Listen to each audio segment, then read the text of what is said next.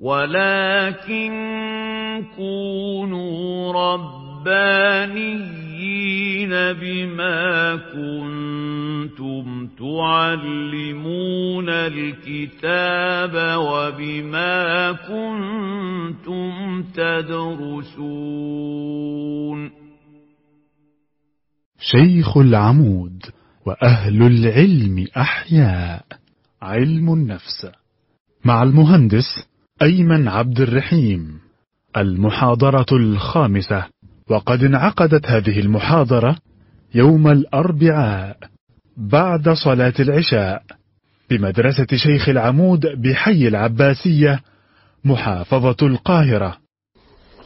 طيب بسم الله والصلاة والسلام على رسول الله الحمد لله الذي علم القلم علم الإنسان ما لم يعلم الصلاه والسلام على خير معلم الناس الخير محمد. وبعد. ف وصلنا إلى الآتي. كلام عن التأصيل الإسلامي للدراسات النفسية. إيه النقاط اللي إحنا عايزين نغطيها حوالين التأصيل الإسلامي؟ واحد ما هي الحاجة الحضارية والفلسفية ل- الصوت؟ صوت؟ ده هي عشان قاعة فاضية فالصوت آه، ممكن هم يتصرفوا الصوت اطفوا الصوت اللي مشغل الصوت. بس نجرب كده. الصوت كده واضح؟ لا مش واضح. لا لا كده مش واضح.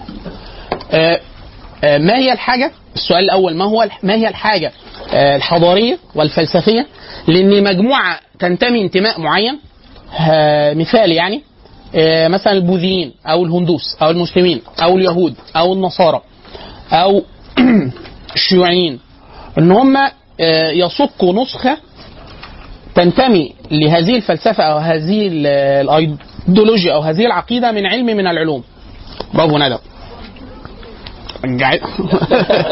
برافو ندى برافو ندى جايزة الطفل الذهبي. فاهمة الخطة هي. نعمل انتشار اصحاب منظم نلم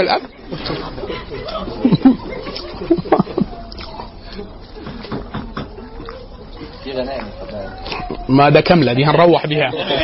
دي اللي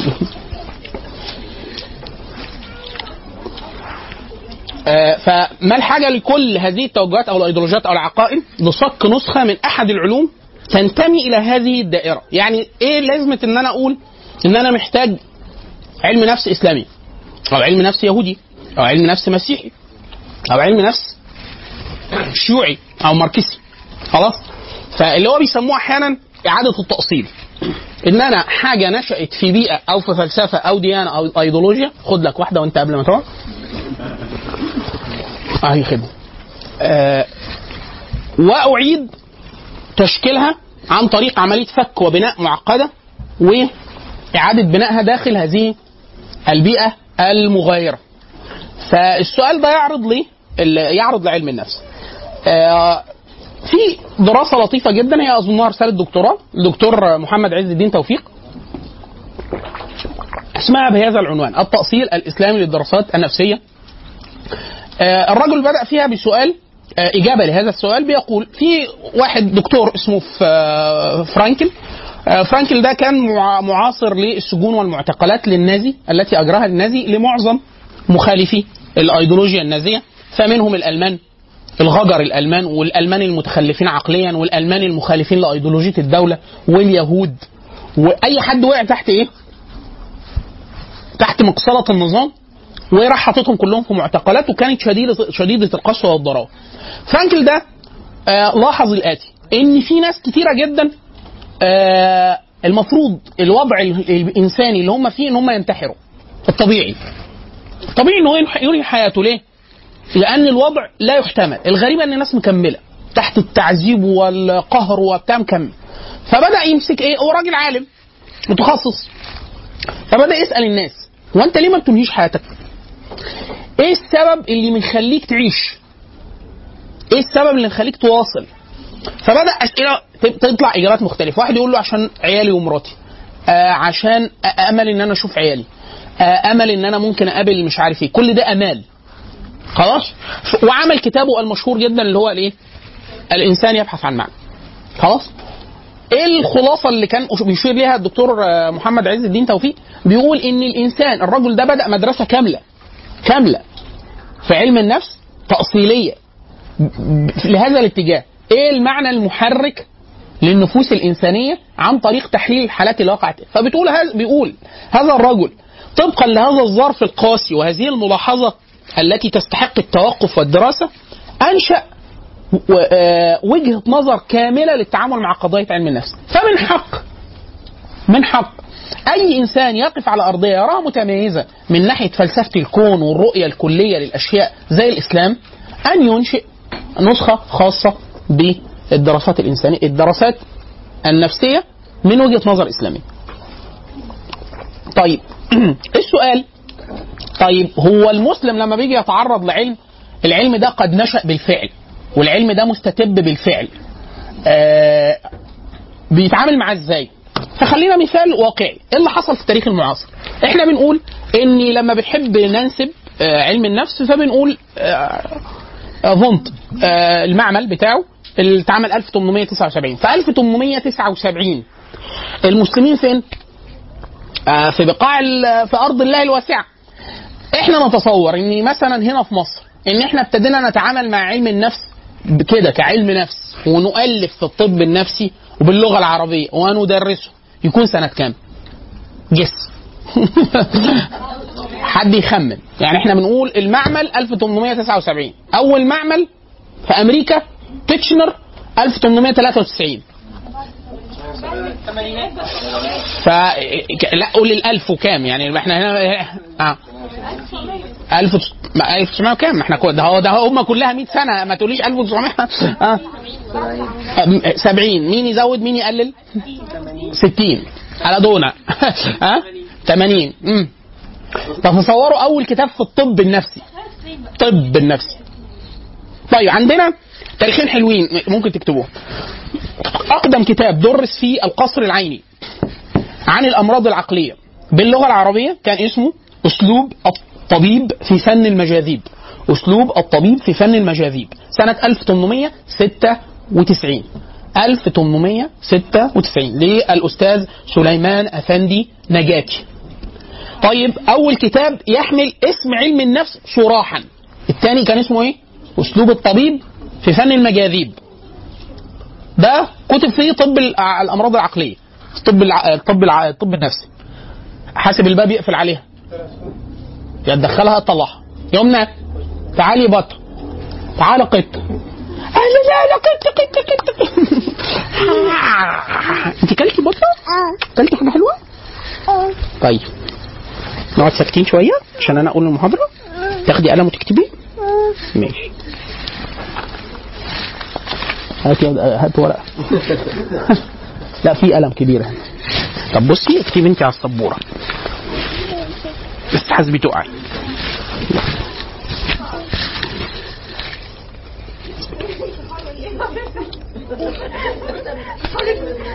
يلا اكتبي حاجة عشان أكمل المحاضرة. احسنت بطه سقف سقف يا ابني. احسنت قطي آه هات يد السبوره هات يد السبوره هات المساحة. آه انت كمان؟ لا كده. لا بس أنت طويلة. تعالي اكتبي هنا من على الأرض. يلا عشان يسقفوا لك لف لف. يلا فرصة. يلا. يلا يلا هوب كتير لا ده هتطول دي.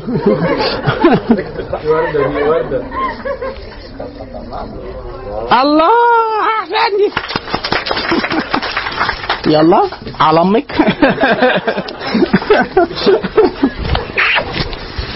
هاتي بص بص بص بص بص ماما.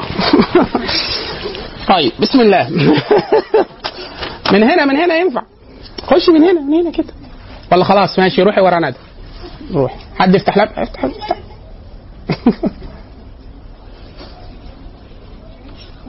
طيب. فالكتاب الأول قلنا أسلوب الطبيب في فن المجاذيب ده كان مؤلف سنة 1896 للأستاذ سلي... سليمان أفندي نجاتي طب أول كتاب بعنوان علم النفس. مباشرة سنة 1895 95 للشيخ محمد شريف سليم. 1800 95 قبل العلم آه. ما ده بعلم النفس التاني الطب النفسي خلاص؟ آه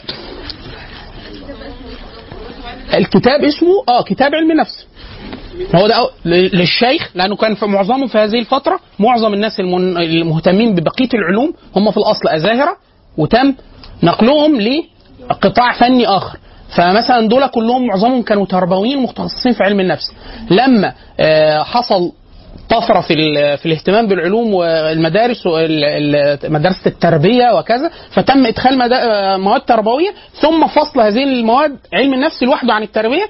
فجاء هذا الكتاب كأول كتاب بعنوان علم النفس للشيخ أنو أزهري الشيخ محمد شريف ش- سليم 1895 طيب فواضح جدا إن إحنا التعامل الم... العربي العربي المسلم الناس دي كلها مشايخ والناس دي كلها مسلمين. فبيتعامل مع الفن. يبقى يبدو إن هو إيه؟ تعامل مبكرا مع ده. طيب هل تعامل مبكرا ب... بالتجريب ولا بالترجمة والكتابة؟ مش معنى إن هو كتب معناه إن هو ابتكر. ممكن يكون اطلع وإيه؟ فاحنا إيه الفترة السابقة ليها لو إحنا هنخلي مراحل التصنيف في علم النفس ال- المعاصر من أول فونت نقدر نقول إن في فترة المسلم أو العربي بيطلع ولو كان معاه لغة ثانية بيطلع على الكتابة الغربية في علم النفس. بعد كده مرحلة التعريب بيكتب إما ترجمة مباشره مباشرة أو كت- كت- كتابة تصنيف منفرد اللي فهمه زي الكتب المصنفة. أكيد الكتب دي مش من عنديات هذه المدرسة.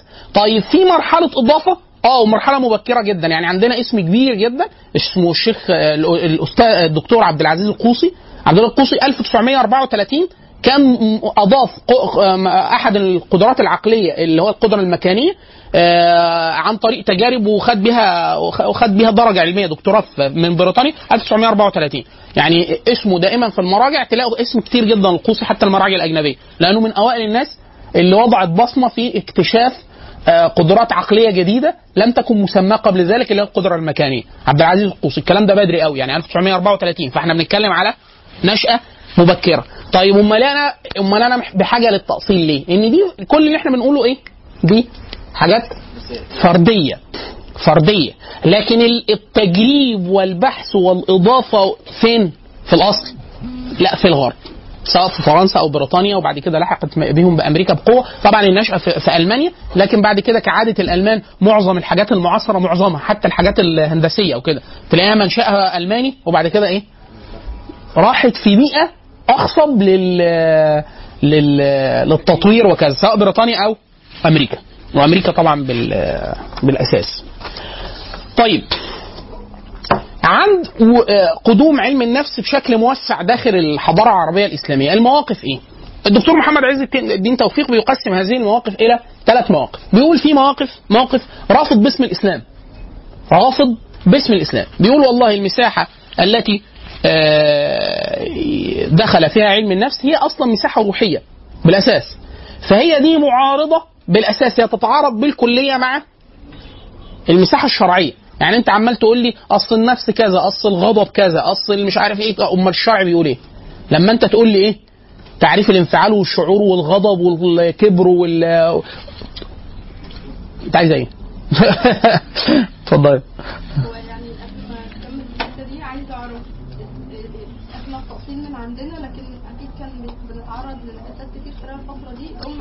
تأصيل إحنا بنتكلم عن التقسيم عند المسلمين آه لسه ما لسه ما أصلوش لسه. هيأصل. لا ما هو الممارسة إحنا قلنا في الأول خالص في اللمحة التاريخية إن ما من حضاره إلا واهتمت بالنفس من منظور ما. فلسفي بقى دياني بتاع. لكن إحنا عشان كده إحنا خصصنا علم النفس الغربي بطريقة معينة بالمنهج التجريبي بتاع ده كان آه، اللي هو ال- المعمل أو قبله بشوية.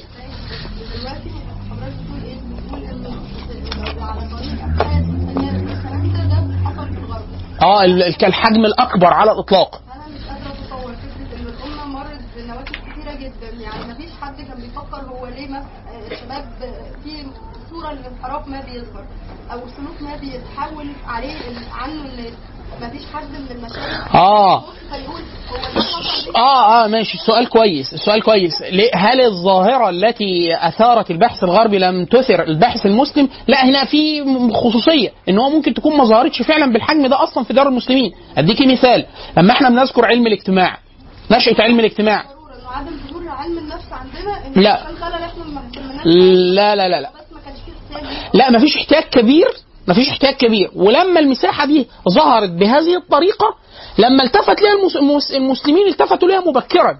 مبكرا يعني أنا لما أقول فونت عامل معمل 1879 والاقي 1895 عندي مصنف باسم علم النفس وعندي كتاب اسمه أسلوب الطبيب بيدرس في القصر العيني في كلية الطب يبقى أنا آه يعني الراجل قاري المعاصر ومواكبه ومفيش فروق. يعني المساحة بسيطة جدا. خلاص؟ لكن طبعا هيبان جدا الفرق إمتى؟ لما نشوف منحنى التصاعد. إيه سبب منحنى التصاعد؟ هو عنده دايما إحنا بنقول إن العالم على الحقيقة أو المشتغل أو الباحث مش كانت قضيته هي قضية حضارية أكبر منه. أنت بتسألني وأنا ما جاوبتش على رأيك. يعني هو أنت حد أنا سألني وما جاوبتش حد رصد لي ميزانية. وأنا آه ما ابتكرتش أو ما أبدعتش. يعني عبد العزيز القوصي ده لو إحنا عندنا هيئات سياسية كتير بتتبنى ده. لا إحنا كنا ممكن في وقت قصير جدا نبقى كتف بكتف ليه؟ لأنه أنا لحقته بدري. أنا لحقته بدري. لكن هو اللي خلى الموضوع عنده يزيد وأنا يقف أو أنا أصبح تابع ليه. واحد اللي هو المظلة السياسية بقى السياسية والحضارية اللي مخلية إن هو عنده مثلا مثال معظم الأبحاث الأولى في علم النفس آه، كانت لأسباب صناعية.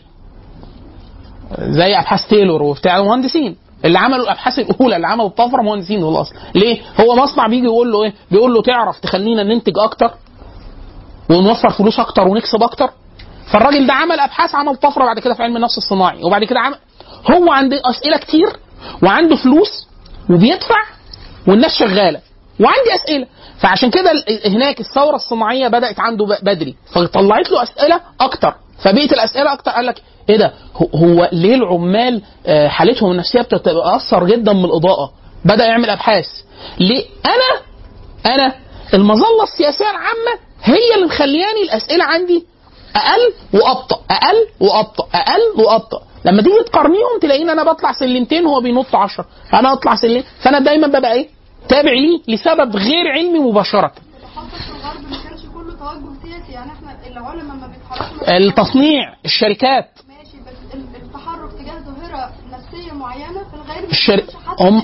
هم اللي كانوا بي... اللي كانوا محركين ده فعلا بصراحة الشركات. يعني اللي دايما إحنا بنقول ده في حتى بنقوله كتير في التأسيس إن الطفرة اللي حصلت في أوروبا كان المناخ السياسي العام اللي ساب الناس تشتغل. وظهور الشركات كقاطره سحبت اوروبا معظم الاسئله الأسئلة العلمية كان اللي طارحها القطاع الصناعي. عشان كده إحنا بنقول الثورة الصناعية 1760 1830 اتشكلت الثورة الصناعية بقت كم الأسئلة اللي عند الغربي مهولة جدا بسبب إيه؟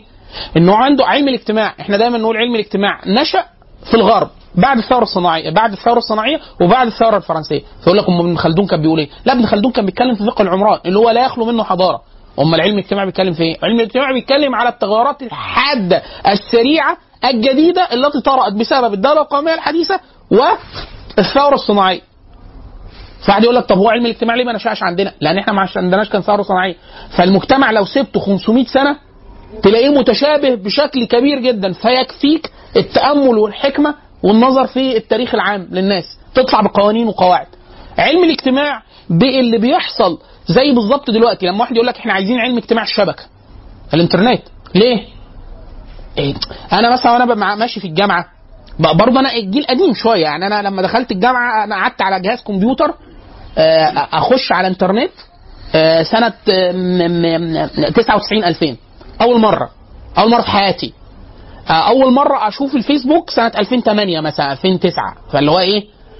فلما أنا مش قادر أتخيل. مش قادر أتخيل ان أنا ماشي في الجامعة ألاقي بنت بتصور مع زميلتها مثلا. هم بيعملوا إيه؟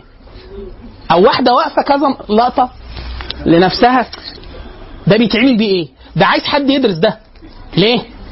اللي بيسموه التمركز حول الذات أو بتاع أو أحيانا بيسموها مسرحه السلوك الإنساني. مسرحه السلوك الإنساني اللي هو إيه؟ إحنا كلنا بنعمل أفاتار لنفسنا بسبب الشبكة. آه لا ده ده عايز حاجة تانية. التغير الحديث ده هيخلي بقى كم العلوم اللي طرقت في الغرب يعني مثلا آخر خمس سنين كم الأسماء الع- العلوم والأقسام اللي ظهرت مرعب. اللي هو انت إيه؟ أحد يقول لك إحنا قاعدين. إحنا ما عندناش أسئلة هنا. ليه؟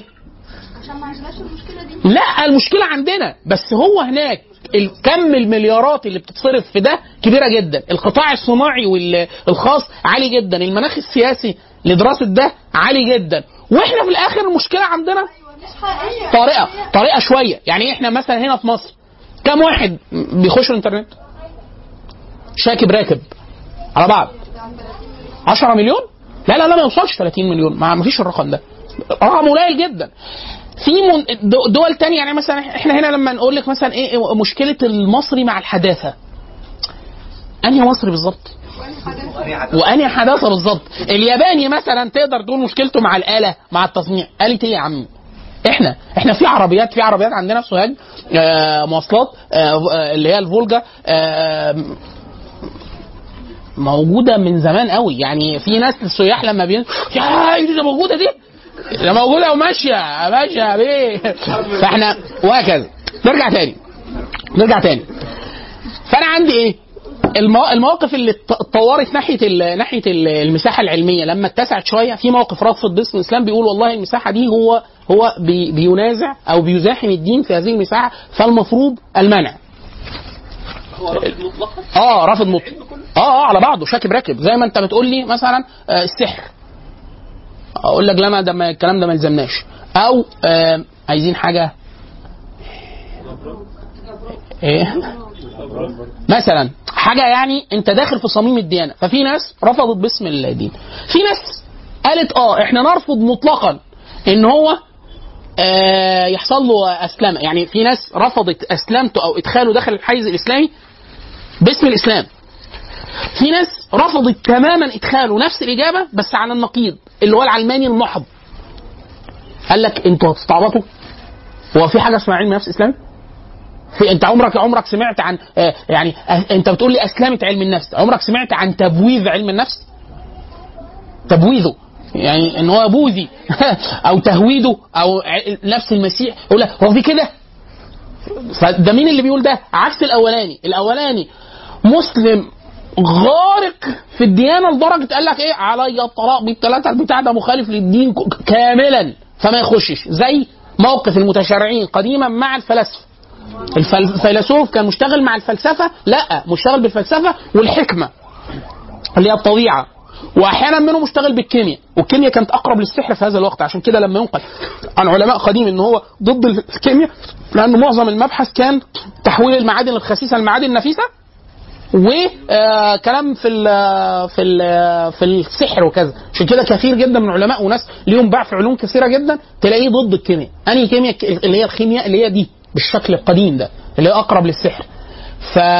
فهي الفكرة في كده. ده هو قال لك لا ده الطبيعة مش الفيلسوف ده ضال في الإلهيات. يبقى ضال إيه؟ في الطبيعيات. بالرغم إن هو في الطبيعيات كان بيقول كلام إيه؟ كويس. ففي موقف رفضوا الإسلام. ده نفس الحكاية. في واحد قال لك أنا ما أسلموش لما ي... ليه ده ضد الإسلام بالمرة؟ لأنه حتى كمان اللي جابوه كفار ومنهم ملاحده خلاص؟ في ناس قالت إيه؟ لا هو مرفوض تماما يتم اسلامته بس إيه السبب؟ قال لك عمرك سمعت عمرك سمعت عن تهويد علم النفس أو ما كل كل واحد يعمل لنا بقى كل دين يعمل لنا. وده كتير جدا حتى عندنا هنا في العالم العربي الإسلامي. فلاسفه كتار فلاسفه مشاهير يغلب عليهم الطابع العلماني أو الماركسي. قال لك ده كلام فارغ. ودي بضاعة أيديولوجية والإسلاميين آه بيحاولوا كل حاجة آه يلبسوها توب آه توب شرعي. فده كلام فارغ. فرفضوا الأسلمة بس من أنهي من أنهي جانب؟ من جانب الآخر. إن هو ده إيه؟ مفيش حاجة اسمها العلم علم. علم ملوش دين. العلم ملوش دين. والكلام ده راك فترة طويلة جدا بالذات ابان الفترة بتاعت المدرسة الوضعية المنطقية. وكان على راسها حد من المشاهير جدا في مصر اسمه الدكتور زكي نجيب.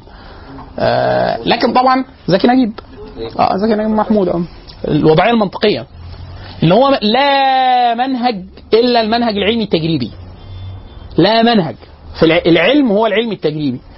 فاحنا هندرس علم النفس يبقى بقواعد صارمة تماما زي علم نفس زي علم زي العلم الطبيعي زي الفيزياء. فالمنهج واحد والعلم واحد. فأي كلام عن إدخال أي فلسفة ما ورائيه أو دين ده كلام فارغ.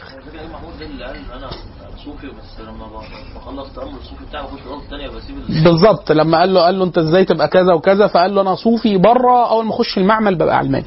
حاجة كده. خلاص؟ وده قعد فترة طويلة جدا ترند في مناهج البحث يقول لك اللي هو إيه إن الباحث يجب أن يكون موضوعي بل هو موضوعي بالكلية. طبعا الكلام ده حاليا مش يعني مش نقد اللي هو إيه لما حد بيقول أيوه عادي الكلام عادي. ليه؟ فهو مين موضوع إيه؟ ده آخر 40 50 سنة في الأبحاث مش الفلسفة اللي بتخش ده اسم أمه بيخش معانا في آه الطب الناس اللي بتدرس طب اسماء المصطلحات. يقول لك شكل الطحلب اللي شافه وهو في ثانية ابتدائي آه، شكل مش اسم أمه كان كذا فتأثر بيها فسمى البتاع. اللي هو فكرة إيه؟ إن هو الباحث ما فيش فيش حاجة اسمها باحث موضوعي. باحث موضوعي بيخش متأثر باللغة متأثر بالثقافة متأثر بالدين ومتاثر باللي نفسه يحصل. عشان كده مناهج البحث حاليا فيها مناهج البحث بقي من التعقيد بمكان عشان تقدر تعمل تجربة ويتسمى اتقال تجربة؟ ده قابلني. ليه؟ كم؟ لأن إحنا اتلسعنا في حاجات كتيرة جدا. يعني مش باحث حد على هامش وبتاع. يعني مثلا الأبحاث قعدت 30 سنة أبحاث الذكاء الإنساني الذكاء مقره بأنه هناك فروق دالة احصائيا وعلميا بالمنهج العلمي الصارم ما بين السود والبيض وإن السود اغبياء بالفطرة والبيض أذكياء ومتوافقين بالفطرة والعلم اللي بيقول كده مش أمي. كلام واضح. ما مين اللي بيقول كده؟ أعلى اسم في علم النفس في العالم. طيب عمل تجربة مرة واثنين وثلاثة والأرقام بتت... وكل ما بتتكرر يقول لك العلم يجب أن يكون مكرر ويديك نفس النتائج ويكرر التجارب بنفس الدقة. أربع أرقام عشريه واختبارات نقيسه ودقيقة وصادقة وثابتة. كل الكلام اللي قلبك يحبه. وبعد كده لما ابتكرت مناهج نظر أخرى في مناهج البحث والإحصاء قال لك ما يكون الر... يخرب بيته. ده هو اللي عاد التجارب. هو. مش حد تاني. عادوها. طلعت كلها مطلصقه وكلها غلط. اللي, اللي لفت نظرهم إيه؟ إن كل مرة لمدة 30 سنة بيطلع الرقم نفسه لاربع أرقام عشرية. دقة عش- اللي هو إيه؟ المعيدين حاليا بيجيبوها عندنا في في الشتات. قال لك لما أنت تكون كاتب إيه؟ 3 س زائد 2 صاد تكتب له إيه؟ آه، صاد زائد صاد آه، زائد 2 س زائد صاد س عشان ما يقفشكش عشان ما يقول لك انت أنت ناقل من زميلك. فاللي هو إيه؟ وده كان علم ومكتوب في مراجع وبيتدرس إن البيض أذكى من السود وإن السود جنس متخلف ع... نمشي بقى إن الراجل الأبيض اللي عمل الأبحاث دي هو أبيض أصلا وعنصري وممكن يبقى عمل كل الحاجات دي عشان. ما كناش هو عمل كده فعلا. أمال أنا بقول يا فاطمة ركزي بقى يا فاطمة شوية. هينزل لها سحلب يا ابني أنا أكبر أيوه مين قال ان ما هو ده اللي أنا بقوله يا فاطمة. بقول لك إن هم كانوا متف... متصورين. ما هو كده ده معناه ان علم كبير هو انت محسساني إن أمي اللي عملت التجربة ليه؟ مش ماما واحد تاني راجل. هات يا ابني كوباية شاي. هات شاي يا عم. ماشي وميه يا سلمى. طب أنت هات مية وهي هتعمل شاي ده معناه إن علم مبني على الفبركة. وأنا باخد. كلام الناس دلوقتي وبقول علماء علماء إيه بقى؟ ما هم طب ما هو ده اللي أنا بقوله يا فاطمة. فاطمة أنا أنا متبني موقفك العلمي. أنا واقف معاكي مش مع الأهلي مش مع الزمالك. إيه؟ ما أنا جاي انت ما هو ده اللي إحنا بنقوله يا فاطمة إن هم جماعة نصابين. عشان كده إحنا هنعمل أسلام على علم النفس. هو اللي بتقوله الأستاذة فاطمة هو ده ما استقر عليه البحث العلمي فعلا. اللي هو إيه؟ آه والله صحيح لا مش بالهزار إن هو فاكر إيه؟ إن هو إن الباحث محايد ده أسطورة. مفيش باحث محايد. لكن أنا أضمن عندي بقى كم كم يعني يا اخوانا كم الوسائل العلمية حاليا عشان نضمن إن اللي قدامك ده مش نصاب. عشان كده دلوقتي لو حد قبلك وقال لك أثبت مجموعة من الباحثين على طول تقلع الشبشب وتطير وراه. في كتاب لطيف جدا. ده إهداء له. أجيب لك نسخة هدية؟ في معرض الكتاب يا استاذه فاطمة. اسمه؟ اسمه آه بس كتاب صغير ورخيص ما تقلقيش. استاذه فاطمة دي يا سلام. أنا أجيب لك مجموعة من المجلدات. آه، شيماء فكريني. أجيب لها مجموعة من المجلدات. كتاب اسمه طغيان العلم. الواحد من فلاسفة العلم المشاهير المعاصرين بس أنا مش فاكر اسمه. ممكن حد يعبش لنا على اسمه بطه مبوظ البنت دي ما تجيش معايا المحاضرة تاني. أمي زمان كانت مدرسة في المدرسة اللي أنا فيها بس ما كانت شرط إن هي ما تدرسليش. أنا الوحيد اللي من إخواتي أمي ما درسليش. درست لكل إخواتي وهم صغيرين إلا أنا. فكنت أجي لها في ما بين الحصص وهي قاعدة كان المفروض شرط جوه المدرسة كانت مديرة صعبة. ما حدش من عيال المدرسين يدخل للمدرسين في أوضة المدرسين عشان بقية العيال في المدرسة ما يحسوش بإيه؟ بالفرق. فكنت أقف لها على الباب. شاور لها كده. فت عايز بوسه كنت في ثانية ابتدائي ثالثه ابتدائي. فتروح هتديني بوسه وترجع تاني. فتقول لي لا انت ما أنا ده كويس إن أنت ما درستلكش عشان كنت هتخوتني. خلاص. فاسمه طغيان العلم. دي هو سمى الظاهرة دي طغيان العلم. في واحد أخ لينا كان زمان كاتب مقال بس كلام مقال قديم بس حلو قوي. اسمه ثبت علميا شرك العصر. شرك. العصر. شرك يعني إيه؟ كل عصر ليه صورة من صور الشرك. ففي واحد بيعبد صنم في واحد حاليا يقول لك إيه؟ مجموعة باحثين أثبتوا إن المانجا ال- ال- العويسي أحلى من المانجا اللي ولو كلت مانجا عويسي كتير هيجي لك سرطان لما الزمالك يكسب 2-0 إيه ده؟ يقول لك السرطان هيزيد لما لو شربت قهوة كتير هيجي لك تسلخات في عينيك. إيه يا مين؟ أنهي فريق وفين وتجربة إيه اللي تاخد تعميم على 7 مليار بني آدم في أنهي ظروف تجربة الكلام ده كلام الكلام ده عند الحاجة يعني مش مش موجود يعني عشان ما يا ماما وبتاع خلاص فهي الفكرة في إيه؟ إيه؟ في صفحه على الفيس اسمها هتعلم. س- سبع علمية مثلا الاهتمام بالبطولات حاجة كده آه لا ده ده اشتغاله بقى يعني حقيقه آه يبقى ده مثال محلول لهذا. هذه الخزعبلات المهم الفكرة في إيه؟ اللي هي إن ده مش علم. إيه بقى هنشوف دلوقتي إيه ال- ال- ال- وجهه النظر الإسلامية من ده إيه؟ هم من ناحية علم علمانية محضة من غير دين قال لك إحنا إيه؟ نتواضع ومن تواضع لله رفع. فنبطل إيه؟ بطل نقول أصل العلم قطع وبتاع. إحنا نقول في حدود المعروف اجريت تجارب في هذه الظروف فإحنا عندنا تجارب 1 2 3 4 وعندنا كم الأبحاث اللي اتعملت في الإحصاء عشان نقول إيه؟ نسبة التعلي... التعد... التعميم. تقدر تعمم قد إيه؟ الدلالة. دقة الدلالة بتاعة البحث ده أقدر اعممه الشريحة اللي أنت واخدها قد إيه؟ ده يمثل قد إيه من العينة؟ إيه الملابسات والظروف. عشان ليه؟ لأنه ظهر العلم الموجه. العلم الموجه إيه؟ مرة من الحاجات المشهورة هتحبيها عندنا. فملياردير روسي. راجل بيحب يشرب خمره والدكاترة قالوا له قعدت تشرب خمرة بالطريقة دي؟ ها صحتك هتتدهور. طب أنا معايا فلوس زي ده والعلم يطلع إن أنا صحتي هتتدهور؟ راح جاب مجموعة من الباحثين وقال لهم إيه؟ ادرسوا. شوفوا الخمرة مفيدة كده ولا لا؟ ها؟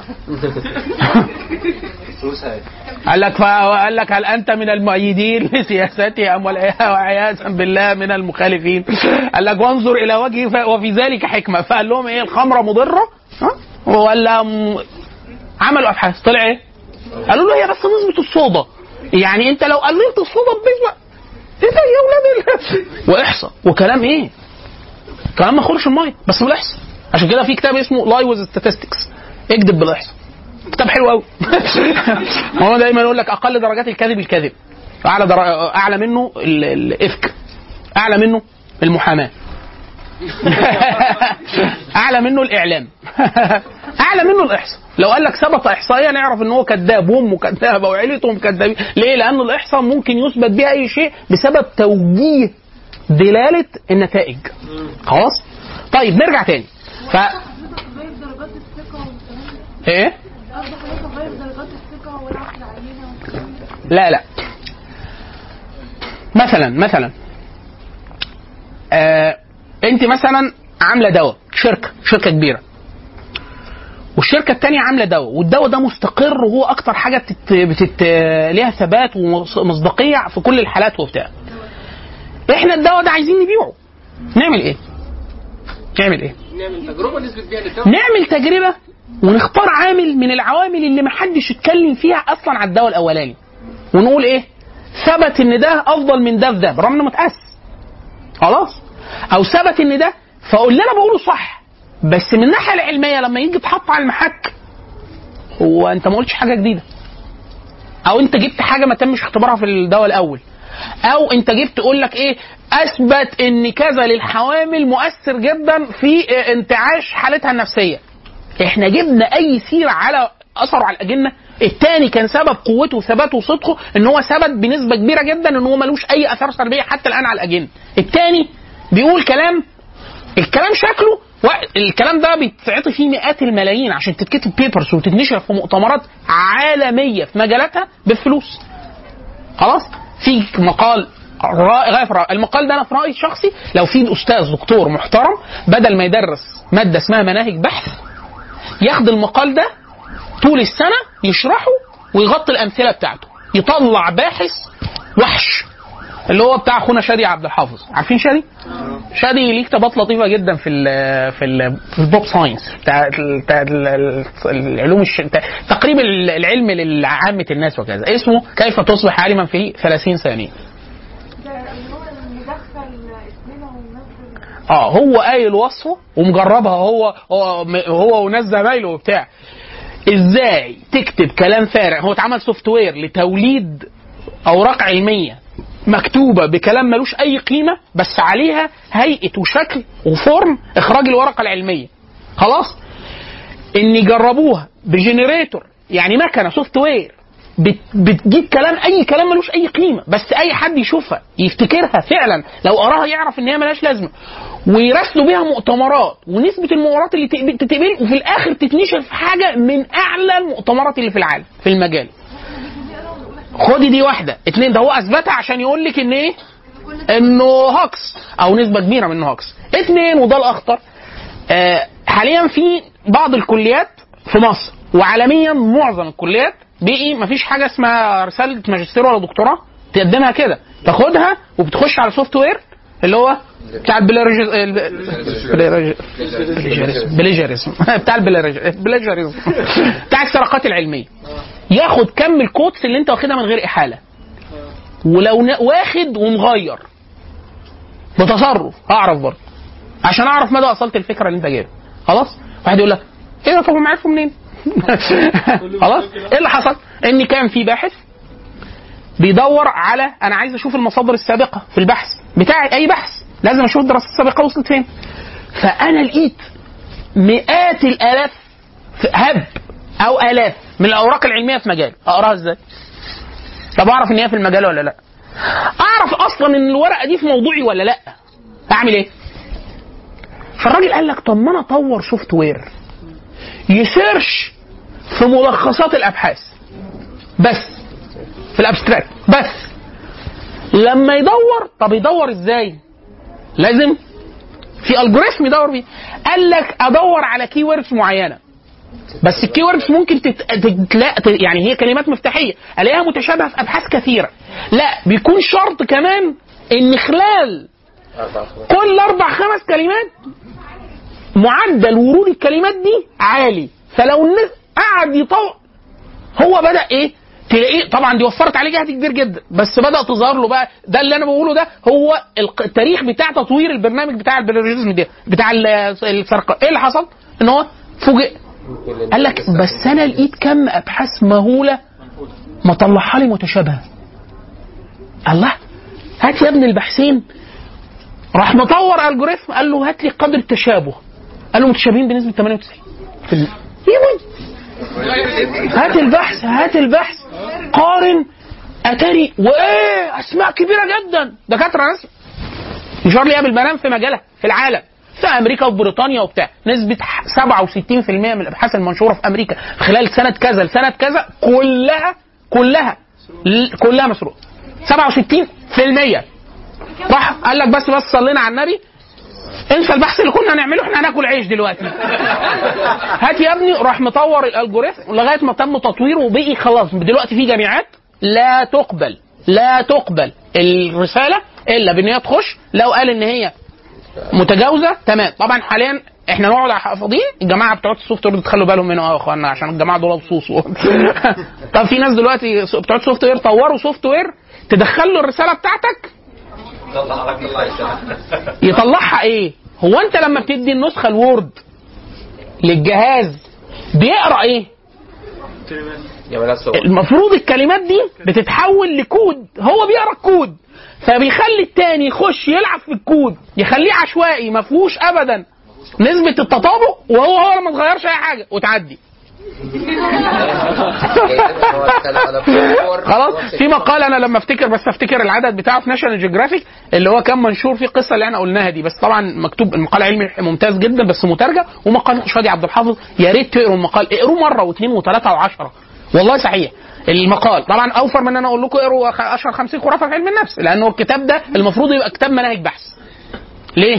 لأنه تقريبا جامع معظم الخلل في مناهج اللي يطرأ على مناهج البحث وبس بطريقة يعني فوق الروعة. لكن المقال طبعا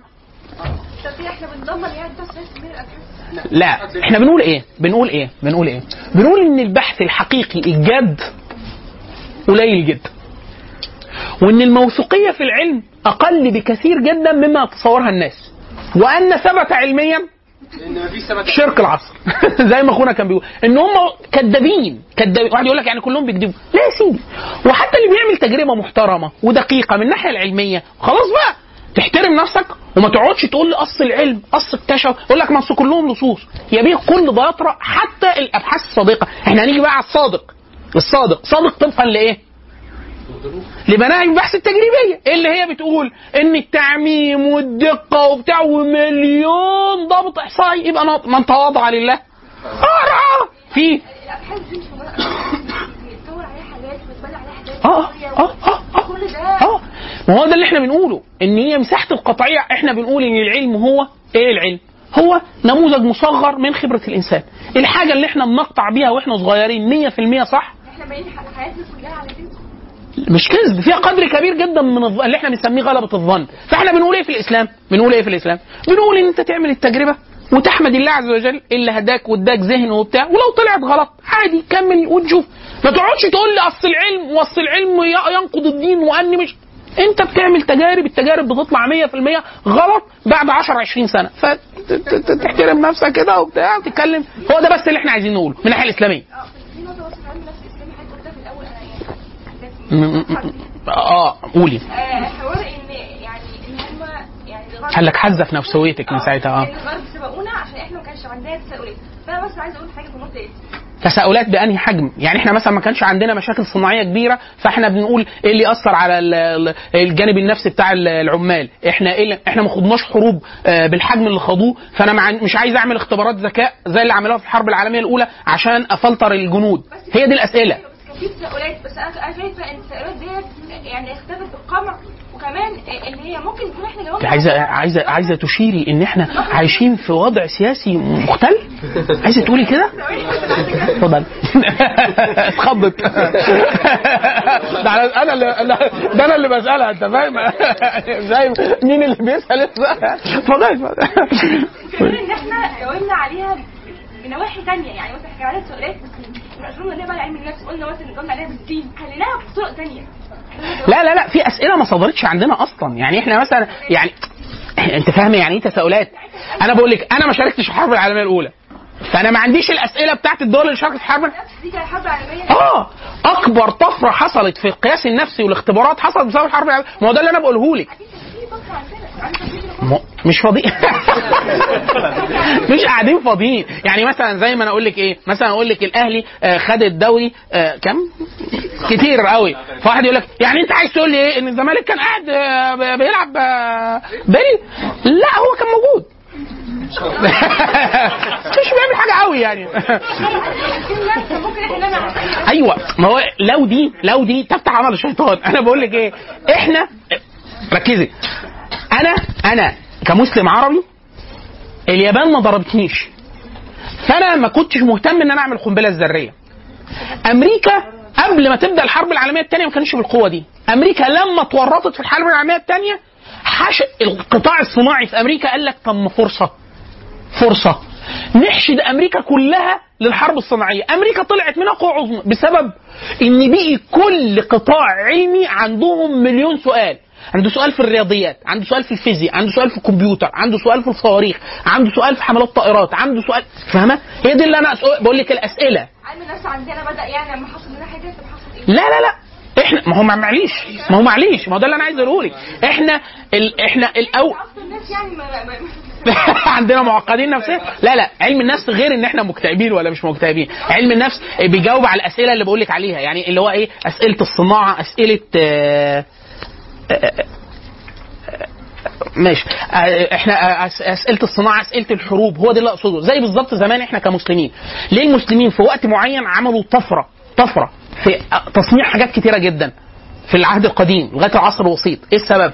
إن إحنا كنا بنجاهد. بنجاهد. فالراجل أنا مسلم بحارب. فأول سؤال عندي إيه؟ إيه ده هو أنا عايز أدمر الحصون.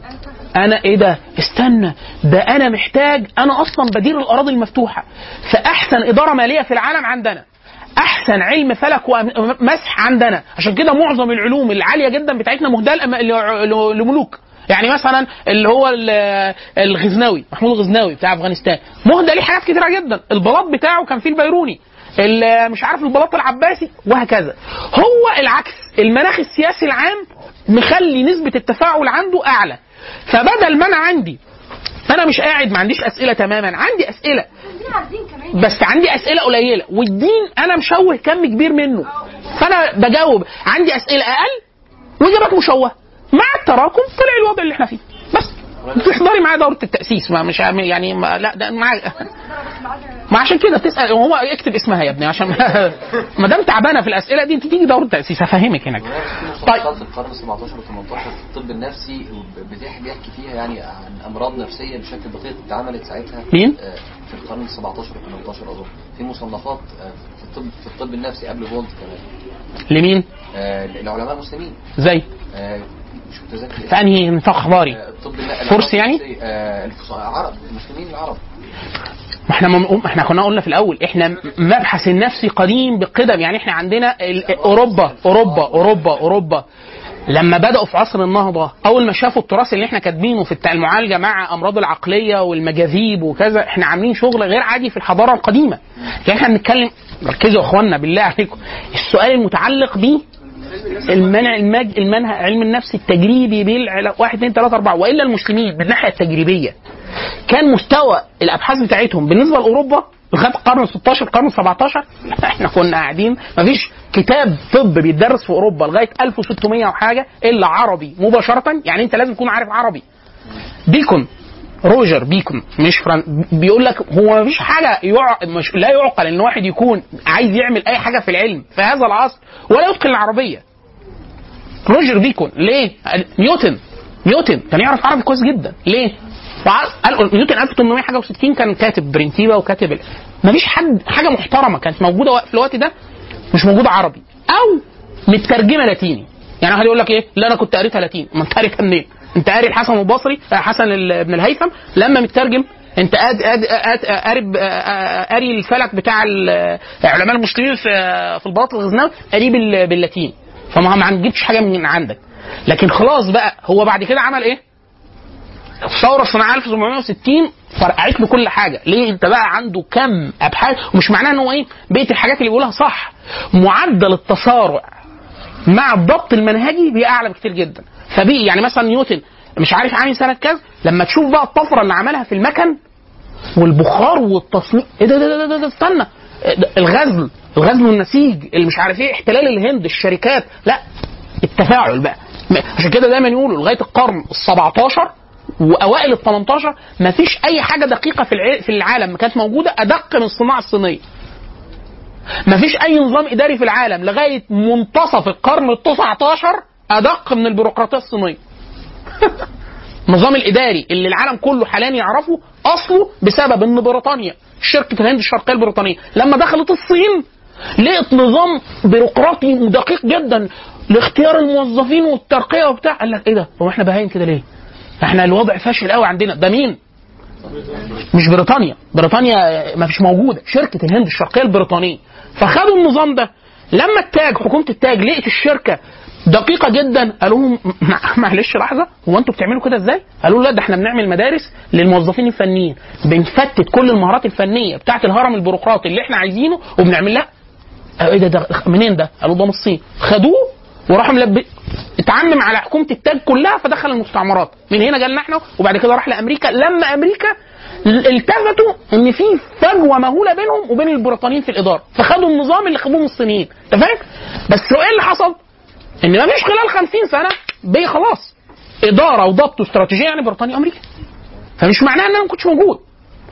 بس أنا معدل التسارع في مقال اسمه اسمه الدولة آه، الدولة أمريكا والدولة العميقة أو الدولة العميقة في أمريكا. آه، آه، أستاذنا الدكتور بشير نافع أستاذ التاريخ. قايل في القصة دي قصة النظم النظم الإدارية. وقيس عليها بقى اللي هي فكرة إيه ده؟ إيه ده؟ هو أنتوا كنتوا ما بتعرفوش حاجة خالص كده لغاية ما دخلتوا الصين؟ 1800 والنظام الإداري الصيني اول لما شافه قال لك إيه ده؟ هو في كده؟ في كده أصلا؟ يعني هو بريطانيا. بريطانيا. بيقول لك أنا ما أعرفش ده. لكن أنت لما يعني المسلمين شفت وسع الزراعة عند المسلمين والبيطرة والصيدمة اللي هو حاجة مذهلة. لكن هو خلال إيه؟ 50 من 50 سنة ل 100 سنة بعد الثورة الصناعية. لم ده كله. بعد الطباعة وبتاع مش عارف إيه. فهو ده الفكرة. السؤال اللي هو بتسأله أختنا. هم كانوا قاعدين فاضيين؟ لا ما كانوش قاعدين فاضيين. بس هو معدل التسارع. مع معدل الخلل الديني والسياسي اللي كان عندك عمل طفرة اللي هو حاليا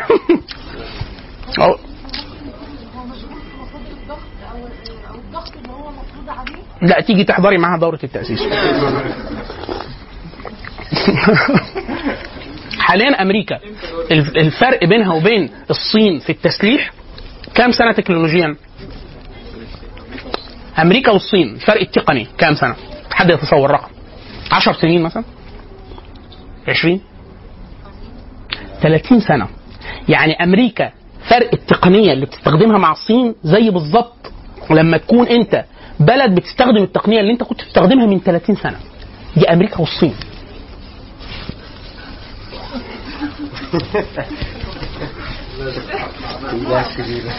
طيب إحنا بس إحنا ما إحنا آه يعني إحنا إحنا بنسأل إحنا ما أنا مش عايز اشتري إحنا عندنا منها كتير في البيت. انت عارفه يا فاطمة إحنا يعني بنوسع بنسأل يعني. لكن إحنا الموضوع مش يعني I'm not interested. طيب في اتجاه رافض بالإسلام؟ قلنا ليه؟ اتجاه معادي ليه علماني رافض للأسلمة بس بحكم عدم التبويز.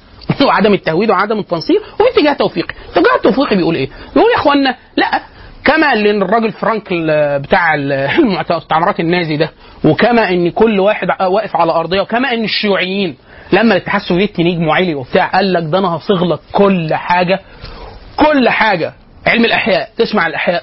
بايه الأحياء دي خلية هتضغطوا عليها؟ قال لك عليا النعمة اللي نضغط عليها. الأحياء قال لك آه. أنا هقول لك إيه اللي هيطلع. لا ما إحنا لسه ما طلعناهوش. قال لك أنا هقول لك التجربة هتطلع إيه. لا إحنا لسه ما عادش التجربة. هي لازم تطلع كده. في كتاب اسمه الأيديولوجيا الأحياء الب... ال... الأحياء والأيديولوجيا. كتاب على طابع تعلم معرفة كويس. الدول عملت إيه في البحث العلمي؟ ان هو لازم يطلع على مذهب الدولة. زي الكفتة عندنا كده مثلا. هو طلع الدولة قالت كده. رؤساء رؤساء أقسام وعمدة. طلعوا قالوا الكلام صح. يا ريت طب أنت عميد كل والله أنا مرة بقول لحد بقول له لا يعني أصل أنا كنت واخد الموضوع باستخفاف يعني حاجة اتقالت في التلفزيون. قال لي طلع رؤساء أقسام قال لي رئيس القسم بتاعنا. عميد كلية صيدلة. قال الكلام صح. يا لهوي. طب إزاي؟ الدولة قالت كده. أو هو استشعر إن الدولة قالت كده. الاتحاد السوفيتي طلع كده الاتحاد السوفيتي. مثلا ما كان ممنوع إن في قسم علم نفس في الاتحاد السوفيتي. لغاية فترة طويلة جدا. لغاية ما في الآخر إيه؟ قال لك إيه؟ إحنا طلعنا كنا غلطين وعملوا قسم عملوا قسم منفصل ليه كان قال لك العلم النفس كله الغربي ده شوف لما انت تسمع ان في ناس رفضت العلم النفس عشان هو مخ- مخالف للإسلام تقول عليهم إيه؟ إيه يا عم التخلف ده؟ الاتحاد السوفيتي قال لك اللي هي- هيضرب قلم في البحث العلمي النفسي ده هن- هنورم له صداغ اقلام. مفيش قلم، ليه؟ قال لك ده أصلا كله مبحث رأسمالي. كله وعلم النفس ال- الغربي ده فاطمة عشان توطيد توطين ال- ال- ال- الطبقة البروليتارية عشان تفضل طول عمرها بتخدم. آه. طب يا عم الناس طب ما ندرس. قال لك ما ندرس. عليا النعمة ما هتدرس ولا حاجة. الاتحاد السوفيتي ما فيش قسم ينشأ لعلم النفس. ما فيش قسم محدش يدرس علم النفس. ليه؟ قال لك ده أصلا كله ده منتج برجوازي. يعني إحنا مش هندرسه؟ لا إحنا هندرس بس آه، إحنا مش إحنا حيوانات مش متفقين ان إحنا حيوانات. يعني إحنا مادة. فالاتحاد السوفيتي من مسلماته ان إحنا إحنا ندرس الحيوانات عشان كده بافلوف والمجموعه دي. وبعد كده كل المدرسة الاشراطية دي اللي هي بتاعت بافلوف وكلب بافلوف والرجاله قال لك لا خلاص هو علم النفس هو سلوكي تام وبتاع وعملوا له قسم لوحده بس سلوكي. فلا هو السياسة بتخش آه الدين بيخش آه بيرفض رفض كلي آه الاتحاد السوفيتي عمل كده. فعشان كده إحنا دايما بنقول الأسلمة يجب أن تنجو من الأدلجة. يعني ما تقوليش إن أنا هأسلمه فأنا هقول لك إيه؟ عليا الطلاق بالثلاثه لا هتطلع كذا لا. الأسلمة معناها إن أنت تعمل بحث في نطاق التواضع بتاع البحث الإنساني. وفي مساحات ما يستحسن لك احسن لك كمسلم ما انت بتخشها طب لو دخلتها أنت هتبدد طاقتك. أنت اللي هتبدد طاقتك. أنا بقول لك من باب الرشادة اللي في الإسلام بقول لك ما تعملهاش. وهنيجي دلوقتي على مثالين نموذجيين في علم النفس التجريبي وعلم النفس الإكلينيكي. في اتجاه الثالث اللي هو إحنا بنميل ليه؟ الاتجاه التوفيقي. الاتجاه التو- التوفيقي إحنا أحيانا الناس بتسموه التلفيقي. بيقولوا إيه؟ بيقولوا والله إحنا في أجزاء ممكن نرفضها قطعا باسم الإسلام. وفي أشياء ممكن نقول لا دي طبعا مساحة واقبل فيها واحد كافر ولا يهودي ولا ملحد عمل بحث متعلق مثلا بسرعة استجاب حدقة العين للإضاءة. آه، شدة الصوت مش عارف إيه أثر الصوت على النفسية. مش عارف بحث ميداني تجريبي محدود في أحد الملكات الإنسانية نقبل من أي حد كائنا من كان في النطاق ده مع متسلحا بإيه؟ بنفس أدوات البحث العلمي اللي تقبل بها الإيه؟ الأبحاث. يعني أنا مش عشان أنت عملت بحث أنا اسلم لك.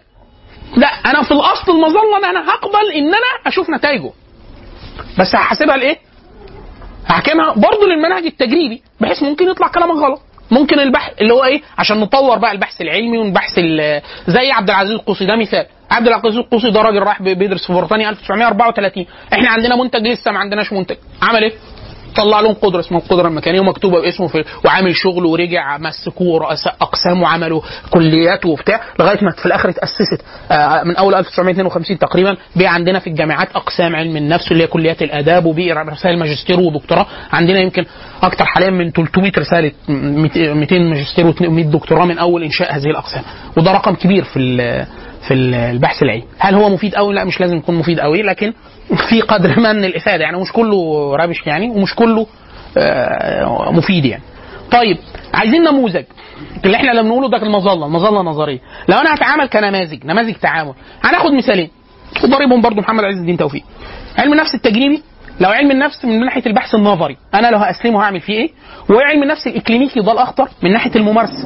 الممارسة العملية إن أنا هس- هسمي اضطرابات وأصنفك وأقول إن أنت مريض ولا مش مريض وعالجك إزاي وبتاع ده أخص خصائص التعامل مع النفس البشري.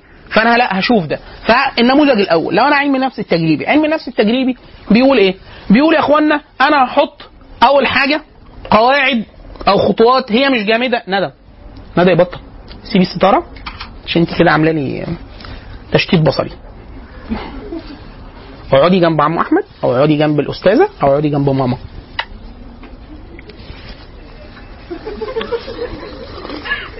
بوسة. خلاص؟ فعلم ال- علم النفس التجريبي فأنا بقول لك واحد انت لازم نمر بخطوات. كل الناس يمروا بيها فاللي هو فوق قول لي إيه الفكرة وبعد كده افرض فروض وبعد كده آه خد قول لي إيه الوسائل والإجراءات العملية اللي هتاخدها وبعد كده يعني إيه في دنيا متفق عليها تماما. طيب حلو جدا. إيه ده هتأسلم في إيه ده بقى؟ يعني ما ده ما بي- بيتأسلم. فبقول لك لا أنا كمسلم هنا ده هنا هنا هنا يا اخوانا واحد يقول لك إيه ما هو ده ما بيتأسلمش. لا أنا كمسلم أنا كمسلم ليا منهج للنظر والتفكير. يعني هو اللي فكر وقال لك أنا هاخد قواعد كذا كذا كذا. ويجب أن يكون لا إحنا ما نعملش مجموعة واحدة لأن المجموعة الواحدة ممكن كذا نعمل مجموعتين. وممكن الناس تكون آه، هت... في منهج علم منهج البحث لما تيجي تقرأ فيها تفاجئ في قواعد الناس نظريا قالت يجب أن نفعل كذا وكذا وكذا. جربوه ونفع خلاص؟ وبعد كده في حاجات. من التجريب. قال لك إيه ده؟ ده في ناس أول ما بنقول لهم إن أنتوا في تجربة أدائهم بيتغير. إيه ده؟ ده شرط من شرط شروط التجربة إن الناس ما تحسش إن إحنا عايزين نعمل ليه؟ واحد يقول لك يعني هيتأثر إيه؟ ممكن يحسن من معدلات ادائه أصلا عن المتوسط. في مصنع مشهور جدا بتاع ادوات إضاءة اسمه هوث- هوثرون أو حاجة زي كده متسمي باسم مقاطعه البريطاني وحتى مشهور جدا باسم أثر هوثر اسم المصنع. إيه السبب؟ عايزين يشوفوا أثر الإجهاد والمعاملة الحسنة وبتاع ومش عارف إيه وتقسيم المجموعات في العمل. على الأداء. السؤال المصانع عنده مصانع بيشوف الناس عايز يزود إنتاج عايز يقلل فلوس عايز يحسن إنتاجية. فهو بيعمل التجارب فوجئ إن لما ساب الناس تتقسم تقسيم هم يقسموا نفسهم ويختاروا بعض والأوامر تبقى مرنة ويسيبوهم يتكلموا أثناء ال break ومش عارف إيه ويتحركوا بحرية وفي قدر ما من الديمقراطية في اتخاذ القرار وتشكيل المجموعات لقوا اداء متحسن. لما سووا ما بين المجموعات برضه لقوا أدائهم كلهم مختلف عن ال normal. إيه السبب؟ إن كلهم عارفين إن هم في تجربة فمحسنين أدائهم. إزاي الكاميرا الخفيه فايه بالظبط. اللي هو يبدو إن في حاجة. في حاجة. في حاجة مش طبيعية. فقال له ده أثر الملاحظ. قال لك لا ده لازم تحيد الأثر ده. ده عن طريق. فأنا كمسلم أنا كمسلم بقى. لا أنا ممكن الإسلام ممكن ينقلني نقله جامدة جدا في طريقة التفكير. مثال مثال في العلوم النظرية عشان الناس تفهم يعني إيه الإسلام ممكن يصوغ طريقة في التفكير طريقة في التفكير. ال- آه، أسد رستم. أسد رستم. ليه؟ كتاب مشهور جدا كتاب صغير الحجم كبير القيمة. اسمه آه، مصطلح التاريخ. الرجل ده غير مسلم هو مسيحي عروبي. بيدرس تاريخ. راح بيدرس في الغرب اظن في بريطانيا أو كذا. في مناهج لقبول الرواية التاريخية. والناس بيقول لك إحنا دلوقتي الكلام زمان في العصور الوسطى أيام ما كان اي حد بيقول أي حاجة إحنا دلوقتي عندنا مناهج دقيقة في تناول الرواية التاريخية ومش أي حاجة تمر والمنهج العلمي وكلام من إيه؟ وسعد سعد يحيى وحاجات إيه؟ جدبجات كده. فالراجل شاف المناهج. قواعد دقيقة جدا في التعامل مع ومش أي حد يضحك ولا تقولي لي أصل التاريخ أصل مش عارف إيه. فهو الرجل بحكم العروبة هو مش مسلم بحكم العروبة مطلع على التراث الإسلامي. فبيدور في كتب التاريخ وراح خابط فين؟ كتب المصطلح مصطلح الحديث علماء الحديث دول إيه؟ هدفهم إيه؟ دول علماء باحثين بالمعنى حتى الغربي عنده مشكلة كبيرة هي إيه؟ إن النبي قال كلام كتير وعاش حياة طويلة كل الناس اللي شافته عندهم القدرة عن الإخبار عن ما فعل النبي أو نقل مقولة عملها النبي أو نقل تقرير أو نقل أمر أو نقل نهي أو نقل سكوت للنبي صلى الله عليه وسلم. نتعامل إزاي مع هذه الأشياء؟ عشان نضمن إن هي اتقالت. ونضمن إن هي اتقالت وهم منسوش ونضمن إن محدش نقل حاجة عشان يؤيد حاجة بمزاجه دلوقتي. كم قواعد مهولة جدا. فالراجل كل علم المصطلح قضيته في وضع قواعد نظرية. ومحاكمتها لبعض الخبرة الواقعية في التثبت من مرويات النبي كخطوة أولى للتعامل مع النصوص بعد كده إيه؟ يوه لغة وحديث لغة وفقه وتعرض على القرآن واختلاف العلماء ونقل العام حاجات كتيرة جدا. لكن دي خطوة بس. علم المصطلح من فمست... هو أسد رستم بيقول الكلام ده مكتوب وأنا جاي أقارن مكتوب من 1300 سنة مثلا. خلاص؟ 1300 سنة 1350 سنة. عند المسلمين. والمفروض لا قواعد علمية ولا منهج. المفروض ده هو متصورين كده الغربيين. لأنه متصورين إن إيه؟ عزاي عارف العيل الصغير. مرة ندى كانت راجعة من المدرسة فجاء بتقول لي عارف إحنا تعرف قصة كذا؟ فأنا اتسحبت من لسان أنا مشغول وهي بتقول لي حاجة. فأنا فبقول لها آه عارفها مش كذا. قالت لي ياه أنت عارفها؟ ده إحنا لسه واخدينها النهارده. يعني هي متصورة إن هي المعارف اللي في العالم. هي لا. فده ده بيسموه آه، آه، دهش المعرفة. إن أنت أول ما تعرف المعلومة عشان كده طالب العلم لما يعرف أي معلومة أول مرة يقول لك إيه؟ مش أنا اكتشفت. اللي بيبقى قدامه شاب. اللي هو إيه؟ أنا يعني أنا مرة حصل معايا موقف. كنت أظن في صحة رأي ما رأي معين في خلاف ما بين الحركات الإسلامية. الكلام ده سنة آه 2001 2002 خلاص؟ وأعتقد في صحته. وعمال أقرأ له كتب ورايح جاي أجيب كتب وأقرأ في الموضوع. خلاص؟ وكنت بمارس خطأ منهجي مهول جدا لأن أنا بقرأ الاتجاه واحد. خلاص؟ فأنا ما ب... فهو ده اللي أنا أعرفه. ما فيش غيره. خلاص؟ ولما بيردوا على غيرهم بيردوا عليهم جوه الاتجاهات حلو؟ لغاية ما اتعرفت على واحد من اتجاه مغاير. وراجل آه، توسم فيها خير وأنا توسمت فيه خير. فقلت أسأله. أهديه يمكن. أثر عليه ولا حاجة. فقالت الظروف قصة طويلة كده إن أنا إيه كتبي اللي بتاعتي قالت لي بيت عنده لأسباب يطول شرحها. ف... فرجع عايز أخدها منه استردها فرحت. فقال أنا عايز أنصحك نصيحة لله. قال لي تخلص من هذه الكتب. قال لي مالهاش أي قيمة. كتب كل الكلام اللي فيها ضلال وغلط. ولو أنت محترم وعايز تعمل حاجة مفيدة اتعلم. أحسن لك.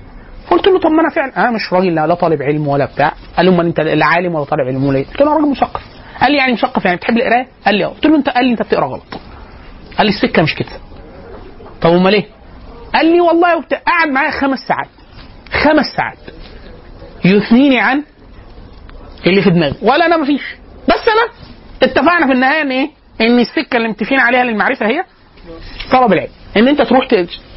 ت... اقرأ وشوف الناس قالت إيه. غبت عنه فترة. عمال أقرأ أقرأ أقرأ. في الآخر إيه؟ رجعت له بقى. جبت له كتاب طبعه على حسابي. وأراه إن هو إيه؟ خلص الكلام. فأنا عايز اقف الكلام أنا عايز أعلم عليه في آخر القعدة. يعني أنا أقول له إيه؟ ربنا يهديك وبتاع. بس طبعا أنا بكلمه باحترام وده يعني يعني أظن والله يعني هو ربنا كريم وكل حاجة. بس كرم الله عز وجل ثم الأدب في التعامل مع هذا الرجل إن هو طلعني من من المأزق ده. لأن أنا لو عملته بطريقة غير اللي أنا عملته. أنا كنت بعامله باحترام شديد جدا وكنت أرى إن هو مخطئ. وفي الآخر أنا كنت حمار عادي يعني ما فيش حاجة. لكن هو اللي خلى الموضوع يمر وإن أنا أتعلم إن أنا كنت بعامله كويس. فهو تلطف معايا في النصيحة. فطول معايا وإلا كان غيره كان يقول لي إيه؟ خلاص أنت تمام كمل. وقابل القطر هيدوسني يعني. آه فقلت له في كتاب أنا عايز حضرتك تقرأه وتقول لي إيه رأيك فيه. أنا طبعا مش عايز أقول له إيه رأيك فيه أنا عايز أقول له إيه؟ تعلم بقى يعني جهل بقى اللي فيه ده خلاص وأنا قاريه ومعلم فيه. أنا انت الكتاب ده عرفته؟ عرفته من شهر. من شهر. صاحبه كاتبه سنة كام؟ 93 إحنا كنا سنة كام؟ 2001 2002 حاجة كده. خلاص. فهو إيه؟ كان ليه طريقة كده يا شيخ. فأنا حاطه على حاجة جنبي وهو بيني وبينه مكتب. فرفع عينه كده. قال لي آه كتاب كذا. فهو قال لي العنوان كامل أنا فقلت له حضرتك طلعت عليه كده؟ قال لي أنا قريته من 15 سنة ولخصته. يعني المدة اللي هو اللي, اللي ما بيننا وبين العمر يعني إحنا 93 سنة 2000 يعني ال- الوقت الك... يعني مثلا لو كنا بين إيه؟ لو 13 فهو قراه سنتها فأنا إيه؟ آه، قال لي آه أنا قاريه ملخصه. فقلت له طب ورأي حضرتك فيه إيه؟ قال لي ما يعنيك رأيي؟ يعني رأيي أنا لنفسي. لكن لك أن تعلم خذ مني بسند عالي. إن صاحب المؤلف رجع عن كلامه.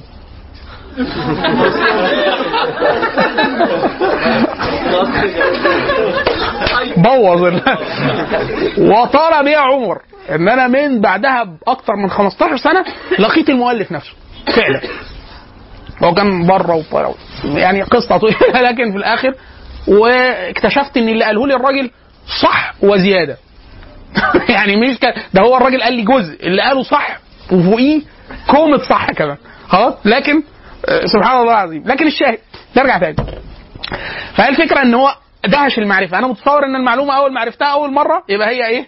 هي دي الصح ولا يأتيها الباطل بين يديها ولا خلفها الشاهد إن أسد رستم لما جه حط المنهجين بتوع التعامل بتاع التاريخي مع المصطلح قال لك إيه ده؟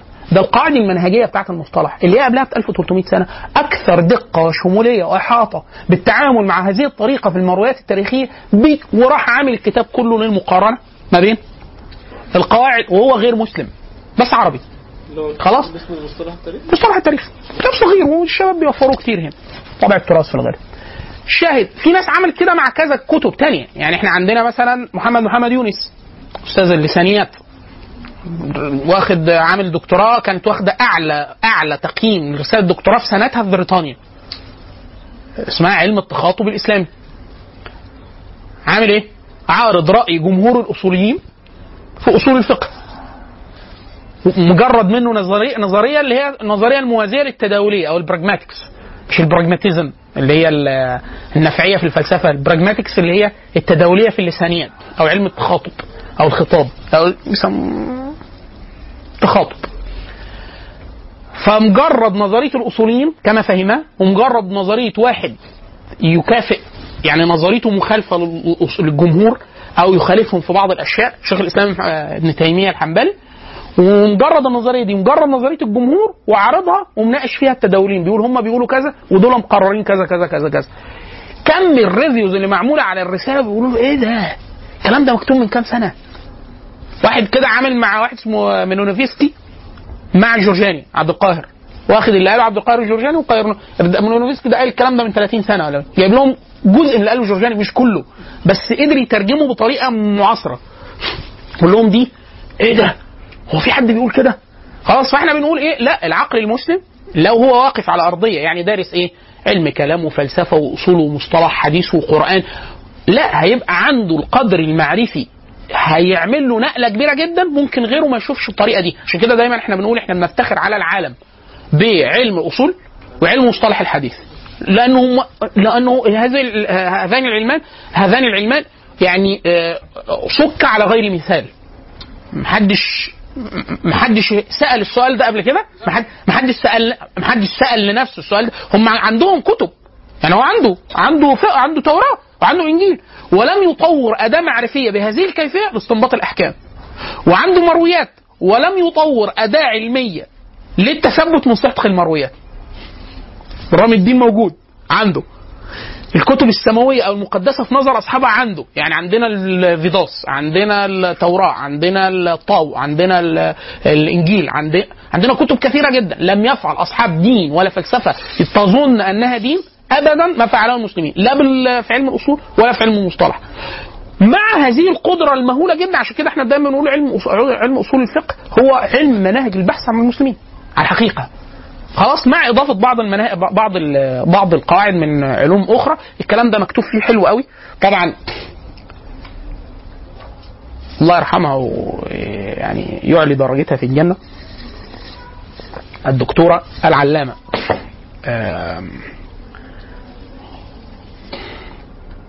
منى أبو الفضل. أستاذة منى أبو الفضل. لها كتابات جيدة جدا في فكرة المنهجية. منهجية المسلمين. وكيف تصاغ؟ ليها أظن عب- رسالة صغيرة لطيفة بهذا العنوان. ليها المنهج والمنهجية. هي وزوجها الدكتور طه جابر العلواني. وليها كتاب عن كيفية صياغة العلوم. من وجهة نظر إسلامية مرة أخرى في هذا العصر. وهي كانت في الأصل لا تحسن إلا الإنجليزية. يعني تؤلف وتصنف وتكتب بالإنجليزية فقط لأن معظم دراستها في الغرب. ثم يعني إذا أرادت أن تتكلم لا تتكلم إلا الفصحى ولا تفهم إلا الفصحى. يعني العامية ما كانتش تفهمها قوي تتكلم فصحى وتكتب فصحى. ولها ك- كتابة. طبعا وهي مجموعة كاملة. هي ودكتور أحمد فؤاد أبو باشا أستاذنا في معهد المخطوطات ومجموعة كبيرة كتبوا في ده كلام جيد جدا. اللي هي فكرة إيه؟ آه لا إحنا كمسلمين ممكن نصوغ قواعد ونؤثر تأثير حاد في منهجية التثبت في البحث العلمي. آه لو مسلم مليء مليء بالعلم بتاعه مع فهم أهداف وآليات العلم الموجود يعرف يعمل لهم إيه؟ شغل فائق الروعة وفائق الجدة. يعني يبقى جديدة محدش يقوله. ليه؟ أنا كمسلم بقى جايب لك جايب لك إيه؟ مصادر جايب لك قواعد حاططها الاحناف وقواعد ده والله أنا دايما أقول يعني بدون التعصب أنا يعني الحمد لله ما يعني ما عنديش عنديش أنا بحب آه يعني في مذاهب عندي تفضيل قلبي كده لكن من بعيد عن التعصب. الأحناف الأحناف بالذات الأحناف لو حد جرب طبعا وده صعب جدا لأن الأحناف يعني عشان حد يلم وراهم ما تقريبا ما فيش حتة يعني أكبر مساحات قعد فيها مسلمين كانوا أحناف فكم التصنيف مرعب. مزعج يعني. اللي هو إيه عايزين كتب الأصول عند الحنابلة. ملمومة. شافعية. لا. كتير. مالكية. كتير. أحناف. مش هنخلص. مش هنخلص ليه؟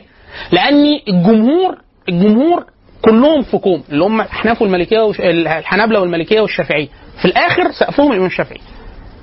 أي مصنف متقدم عند الأحناف تلاقيه راس براس مع الشافعي بيخطئوا يعني اللي هو إحنا موافقين على ده وده بس ده يؤخذ عليه كذا اللي هو إيه زي الدبوسي مثلا مع الشافعي اللي هو إيه الأحناف إيدهم طويلة. لو حد مسك الأحناف جرد لهم القاعده النظرية بتاعتهم في الأصول والقواعد وبتاع وبالذات الأحناف عشان طريقتهم في الأصول عكس عكس الناس. بياخدوا من القواعد الجزئية ويطلعوا بيهم أصل. ده تفيد قوي المنهج التجريبي.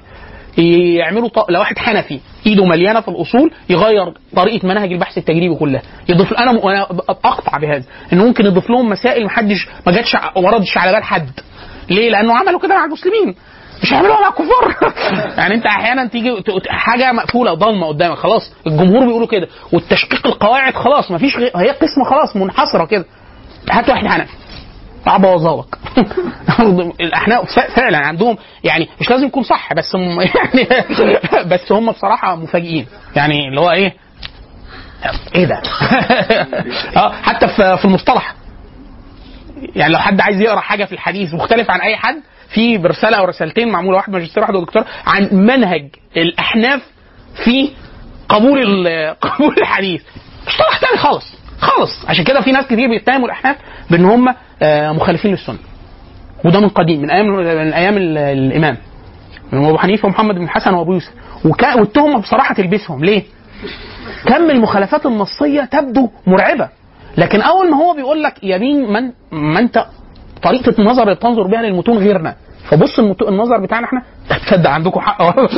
في في مقدمة شرح الموطأ لواحد من علماء الهنود آه، مورد آه، والنسخة بتاعت الموطأ برواية محمد بن الحسن الشيباني.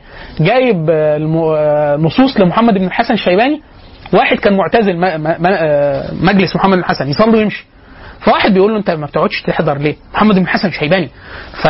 فبيقول له انت يعني انت عارف يكثر جدا يخالف السنة الأحناف. ودي تهمة ملازقه فيهم من زمان قوي. فقال له طب ما تساله اسال محمد بن الحسن نفسه. فجاله. فقال له اسمع من ابن أخيك. فقال له إيه اللي تاخذه علينا؟ فقال يعني تخالفون السنة تأتيكم النصوص الصريحة الصحيحة وتعدلون عنها وكذا. فقال ابن أخي اسمع منا ولا تسمع عنا. إيه بقى؟ اورد كده. هات هات نص نصين ثلاثة من اللي فكل ما يجيب له نص يقول له لا إحنا عارفين النص بس إحنا بنقول واحد اثنين ثلاثة أربعة فالراجل لازمه طبعا من هو بي صار من أجل أصحاب محمد بن الحسن الشيباني. اللي هو بيقول له إيه؟ إحنا مش مش عارفين النصوص. إحنا لينا طريقة ثانية حتى في المصطلح يعني في حديث الجمهور بيضعفوه. عند الأحناف مقبول. هو أصلا مقبول. في أحاديث عند الجمهور صحيح. هم الأحناف بيضعفوه. هم ما يقبلوش. إيه السبب؟ ويورد عليك مسائل. إيه ده؟ طب هو هو ليهم طريقة ثانية في التفكير. عشان كده أنا بقول ليه الأحناف بالذات فكرة التعدد المهول جدا ثراء المدرسة الأصولية عندهم آه، يطلع مسائل منهجية ممتازة جدا لو حد تفرغ لها يعمل شغل عالي جدا. طيب نرجع تاني. طيب علم النفس التجريبي. أنا كمسلم إيه المآخذ اللي ممكن أخذها عليه؟ وإيه الإضافات اللي أنا أضيفها؟ طريقة الإضافة زي شبه اللي إحنا قلناها كده إن أنا أبقى متأصل جدا في أصول زي الأصول الع- العلوم العقلية اللي عندي علم الكلام وعلم الم... وعلم مصطلح الحديث وعلم أصول الفقه وغيره آه أطلع آه، وعلل ال- ال- ال- الأصول كلها إحنا على الأصول عندنا أصول العلوم هتلاقيها م- آه تخليه عنده نظر منهجي مختلف. اثنين المآخذ الأساسية في العلم البحث التجريبي إيه؟ علم نفس تجريبي بالذات ده إحنا واخدين نموذجين علم نفس تجريبي وعلم نفس الإكلينيكي. إن علم نفس تجريبي لا يتعامل إلا مع أي ظاهرة إلا بعد إعادة تعريف الظاهرة محل القياس تعريف إجرائي. لازم تعرف الحاجة تعريف يمكن قياسه. ولو ما عرفتوش تعريف يمكن قياسه لا يمكن التعامل معاه داخل علم النفس التجريبي. طب ما انت صدرت على المطلوب. بطة بس نقعد ساكتين؟ آه يعني آه. بس كده. خلاص؟ يقول لك إيه؟ يعني أنا مثلا عايز أعمل بحث عن قياس الخجل. يقول لك عرف لي الخجل الخجل. تعريف إجرائي. يعني إيه إجرائي؟ يعني ينفع أحط على مقياس يتقاس؟ خلاص. بشيء تنعقد عليه اليد. يا بيما إيه؟ حمرة افرض واحد ولا واحدة خدودها حمراء من الأصل يعني يسألوا إزاي دي؟ آه، واحد أسمراني. خلاص. واحد في الساحل الشمالي وشه اتحرق أصلا. ما فيش حمرة. قال لك أين أنت يا حمرة الخجل؟ قال لك إحنا في الساحل ما فيش حمرة. خلاص. خلاص. وهكذا. فالفكرة في إيه؟ واحد ده مأخذ أساسي إن أنت عايز تصوغه صياغة إجرائية. عشان كده حاليا آه، اللي إحنا بنقوله ده يعني مش من عندياتنا. هو حتى موجه أصلا في البحث العلمي المجرد للمنهج التجريبي عشان كده حاليا في طفرة كبيرة جدا للبحوث الكيفية. اللي إحنا بنقوله ده انه حيث حولوا المقيس ده بيسموه بحوث كمية في علم النفس التجريبي حاجة تنعقد. أنا بقول لك عايز أقيس الذكاء. الذكاء هو إيه الذكاء؟ يو قصه إيه هو الذكاء؟ ما لازم تعرفوا لي عند التجريبيين. حاجة أعرف أقيسها.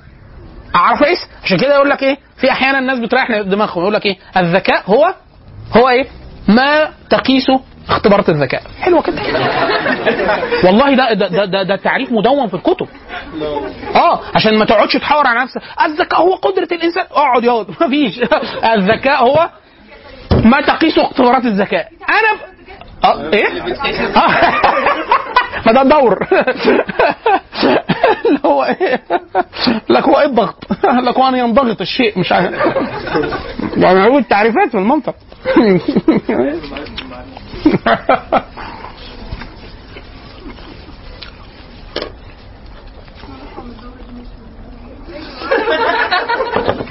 بتقولي إيه؟ لا قلت إيه؟ قلت إيه؟ قلت إيه؟ هسقطك في اعمال السنة فاطمه قولي بتقولي هنطلع من الدورة إيه؟ أنا ممكن أقول من مشلولين فاطمة أنا بفتح عينيكي على اللي الناس بتعمله. إيه؟ أنا دلوقتي آه عايز اقيس في ناس عايزة ادخلها الجيش. اقبله ولا ما أقبلوش؟ فأنت هتحط لي شوية محكات. محكات. المحكات دي بتقول إيه؟ يعمل العمليات الأساسية الحسابية الأساسية. يعمل مش عارف إيه وبتاع. فده وفي الآخر عملت ده يطلع منه درجة أقل من 70 مش هاخده ازيد من 85 هاخده مش عارف إيه. يبقى هو الذكاء. ما يقيس هذا الاختبار. اللي هم إيه؟ شوية المعايير اللي أنا هحطهم دول. في حد تاني بيبدأ بالمعلوب بالمقلوب يقول لك لأ أنا هقسم الذكاء الذكاء نوع واحد.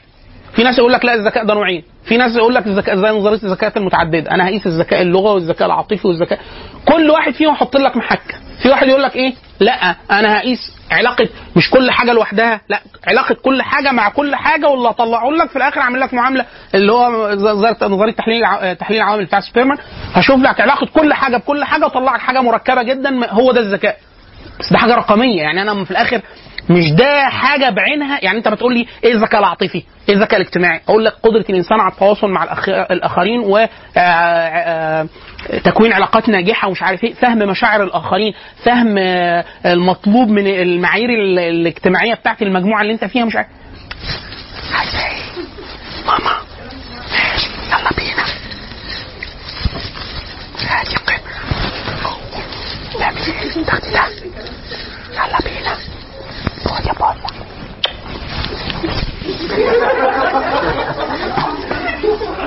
الدورة دي هنقضيها بوس والله. اللي اللي بيسمعوا التسجيل أنا ببوس يومنا بنتي. بس محدش يفهم أي حاجة. مهم جدا إن إحنا إيضاح صوتي. لك حد لازم الدورة دي يعمل لها انفوجراف عشان بس مع سمعة المدرسة. خلاص؟ فواحد مما ياخذ على البحث التجريبي مطلقا فكرة التعريفات الإجرائية لأن ده في مساحات بيحيدها وفي حاجات هنقول لك مش هندرسها وبتاع. فأنا كمسلم بقول له لا في حاجات كتير المفروض آه، زي بالظبط عاملين زي إيه؟ زي الإيمان مشكلة الإيمان عندنا. الإيمان ده بيتقاس ولا متقاس؟ فإحنا بنقول وال... قصة. فأنا بقول والله هو ليه ما صدق؟ عملي. وفي ليه ما صدق شعوري وانفعالي ووجداني. ففي طريقة ما إن أنا أقول إن الإنسان ده مؤمن ولا مش مؤمن. آه ده سؤال كمي ولا كيفي؟ ففي واحد إيه؟ معظم الناس حاليا بسبب الحياة المادية يقول لك مش فلان اللي عمال تقول عنده دين وبتاع عشان بيصلي ومربي دقنه. أنت قلت محكات ظاهرية. فلي لو أنا شفت واحدة محجبة مش عاملة واحد اتنين تلاتة أربعة فأنا هتصور إن هي مظنة إيه؟ إن هي كويسة. إن هي سلوكها الإسلامي ملتزم. إن هي بس ده مش لازم إيه؟ يكون مطابق لما في القلب. وأنا العكس. واحد منحل من ناحية التعاملات ولا واحدة منحلة من ناحية التعاملات. تقول لك أكيد دي قلبيا كذا كذا كذا كذا. بقول له والله ظاهريا المفروض يكون واحد اثنين ثلاثة أربعة. لكن مش لازم يكون قلبين. وهكذا. الطريقة دي في التفكير كمسلمين دي ممكن تساعدنا كبير في وضع كبير جدا في تطوير المنهج الكمية والكيفية. إن إحنا بتقابلنا حاجة في الديانة في حاجة آه، منضبطة جدا وفي حاجة مش منضبطة قوي طب المسلمين يتعاملوا معاها إيه؟ إزاي؟ شوف الفقهاء. الفقهاء عندهم مشكلة كبيرة جدا في تحديد حد القلة والكثرة. يقول لك كذا لو قليل ما يبطلش كذا يبطل حد القلة والكثرة. كل مذهب نظرية نظرية في المعرفة. يعني مثلا الساده الحنابلة الحاجة دي يا عم نكسة ولا مش نكسة؟ نكسة. تنقض ولا يعني كده الهدوم تنجس يعني لازم تتغسل ولا ما تتغسلش؟ يقول لك لا لو قليل عرفا ما يحصلش حاجة. طب مين اللي حدد العرف؟ دي حاجة فاضي. دي فاضي لوجيك يعني حاجة ما تتقاس. هم ليهم طريقة. السادة المالكيه يقول لك أقل من التلت يبقى كذا. التلت حد القلة والكثرة. في ناس تانية يقول لك لا. أي بقى الطريقة اللي بتفكر بيها دي؟ إيه دي منهج بحث ده منهج بحث عشان كده إحنا دايما بنقول لو واحد متأ... يعني مت... مليان من. مناهج الأصول العامة بتاعت المسلمين ممكن يطلع بشغل ممتاز جدا. بس هم كده الإسلام رافض المدرسة دي بس من مدارس علم النفس لا مش رافضها منهج البحث التجريبي نفسه هو نفسه جوه البحث التجريبي الغربي ملوش دعوة بأي دين بيقول لك إن الكم عيبه كذا وكذا وكذا. وإن كان الكم ده قعد فترة قرفنا ال- هنرجع تاني هنزعل فتره ده. قعد فترة طويلة جدا علم النفس التجريبي مفيش غيره. أي حد بيقول حاجة غير كده لا. وبالذات عشان المدرسة السلوكية. لما دخلت المدرسة المعرفية تاني وبتاع قال لك لا في حاجات ما بتعرفش تقيسها. ومفيش ح... وفي حاجات يتعذر جدا تحويلها لشيء معيار رقم. وشوف لك طريقة إحصائية تديك دلالة تتحرك على أساسها دون حصر هذه الظاهرة في الأشياء المقيسة. وهكذا. فده أصلا يعني مأخذ علمي. منهجي بغض النظر عن الإسلام. لكن إحنا كمان بنزيد بنقول إيه؟ إن في حاجات كتير جدا إيه؟ فيها قدر كبير جدا من المعنوية. فدي يجب أن تؤخذ في الاعتبار وهي مرعية عند صاحب الشريعة. يعني هي مهمة؟ فبتقول لك إيه؟ لا هو اللي بيتقاس بس. لا مش اللي بيتقاس بس. في حاجات ما بتتقاس بشكل مباشر ومهمة جدا. إيه محكاتها؟ فأنا بقى أبتكر محكات عشان أقدر أعوض الجانب ال- فتقصره تقول والله الجانب التجريبي يصلح في الأشياء التي يمكن تحويلها إلى تعريفات إجرائية. الحاجات الكيفية لا أوجد طريقة مبتكرة لتحويل الكيفي لشيء يمكن التعامل معاه بطريقة كمية. دون العبث أو تغيير طبيعته أو تحيدها وتقول لي إن ده مش علمي وما بيدرس. لأنه ده اتعمل قبل كده في المدرسة السلوكية ومررت أبونا 50 سنة. تمام؟ لحظة لحظة. ال ال التعامل الناس اللي بتقول ان أسلم علم نفس تجريبي أو علم نفس عموما بتقول له يقول لك علم نفس تجريبي أعمل معاه فبيقول لك والله خلينا نقول إن إحنا الحاجات اللي طالعة من أبحاث ميدانية أبحاث ميدانية إحنا آه، دي نتعامل معاها إيه بشكل أكثر من غيرها ما تقعدش تقول لي أصل أنا شايف أصل أنا قلت أصل أنا تقسيم النفس عندي لواحد اثنين ثلاثة أربعة مين اللي قال التقسيم ده؟ أنا من خلال التحليل هنا هي أضعف جدا إن أنا كمسلم أتعامل مع ده. هتقول لي فرويد قال مش مش. كل حاجة لطيفة وبتاع بس أنا إيه؟ لما تقول لي أنا عملت بحث ميداني وقست شفت أثر الضوء على مش عارف إيه أنا هنا أبدأ أتعامل فهو صاحب ال- الأطروحة بيقول إيه؟ بيقول لأ إحنا يفضل إن إحنا نتعامل مع الأبحاث الميدانية على طول. آه اثنين إن إحنا نتعامل مع الأبحاث الميدانية اللي اتعاملت مع ظواهر محدودة. ظواهر محدودة. بحيث ما تاخدش البتاعة دي تعممها في جزئيات كبيرة لغاية ما تطلع لي بنظرية كاملة لتفسير السلوك الإنساني. ليه؟ لأن أنا أصلا ضد ده أو خايف من ده. خلاص؟ لأن هم في الأصل مسقطين جزء من اللي إحنا معترفين بيه من المؤثرات في السلوك الإنساني وضايفين جزء إحنا مش قابلينه في السلوك الإنساني. ضايفين إيه؟ في على حسب المدرسة يعني المدرسة اللي فيه حاطط الأثر البيولوجي بيتع- بيتعامل معاك على أساس إن أنت حيوان صرف خلاص عشان كده المدارس دي نفسها لما نقدت نفسها من الداخل قال لك لا طب ما إحنا هم مثلا مثلا شافوا لقوا الحيوانات من أصغر خلية. ال- الحاجات اللي حتى وحيدة الخلايا وكذا. آه ليها سلوك جنسي. وبتتكاثر. فقال لك شوف الدوافع. كل ما الانسان كل ما الكائن يبقى أبسط كل ما دوافعه تبقى بسيطة ومحددة وقليلة العدد. كل ما يبقى الحيوان يبقى أكثر تعقيد. حتى هم لاحظوا كده. لقوا إن المؤثرات والدوافع بتكتر. أول ما جو عند الإنسان لقوا سلوكه مغاير تماما ليه؟ مخالف تماما. ده بيدخل فيه الرموز والروائح والرمو والهيئات والثقافة وبتاع. إيه ده, ده, ده هو الموضوع مش بيولوجي محض لا مش بيولوجي محض طب في جانب بيولوجي؟ آه في جانب بيولوجي. طب هو مش بيولوجي محض لا مش بيولوجي محض هو ده. هي دي الفكرة. إن هو أنت داخل أصلا كنت بمصادرات على المطلوب آه، أنا كمسلم رافضها. فانت أحيانا مسقط حاجات زي ما انت قلت. هنقول زي زي الدراسات الروحية هيسقطها كامل من حساباته. واحيانا ضايف. حاجات وحاططها إيه؟ مسلمة. وأنا أصلا مش مش بيقول له ان أنا شاكك فيها. بقول له ده ده ممكن احتمال تكون والعياذ بالله والعياذ بالله غلط 99% تمام؟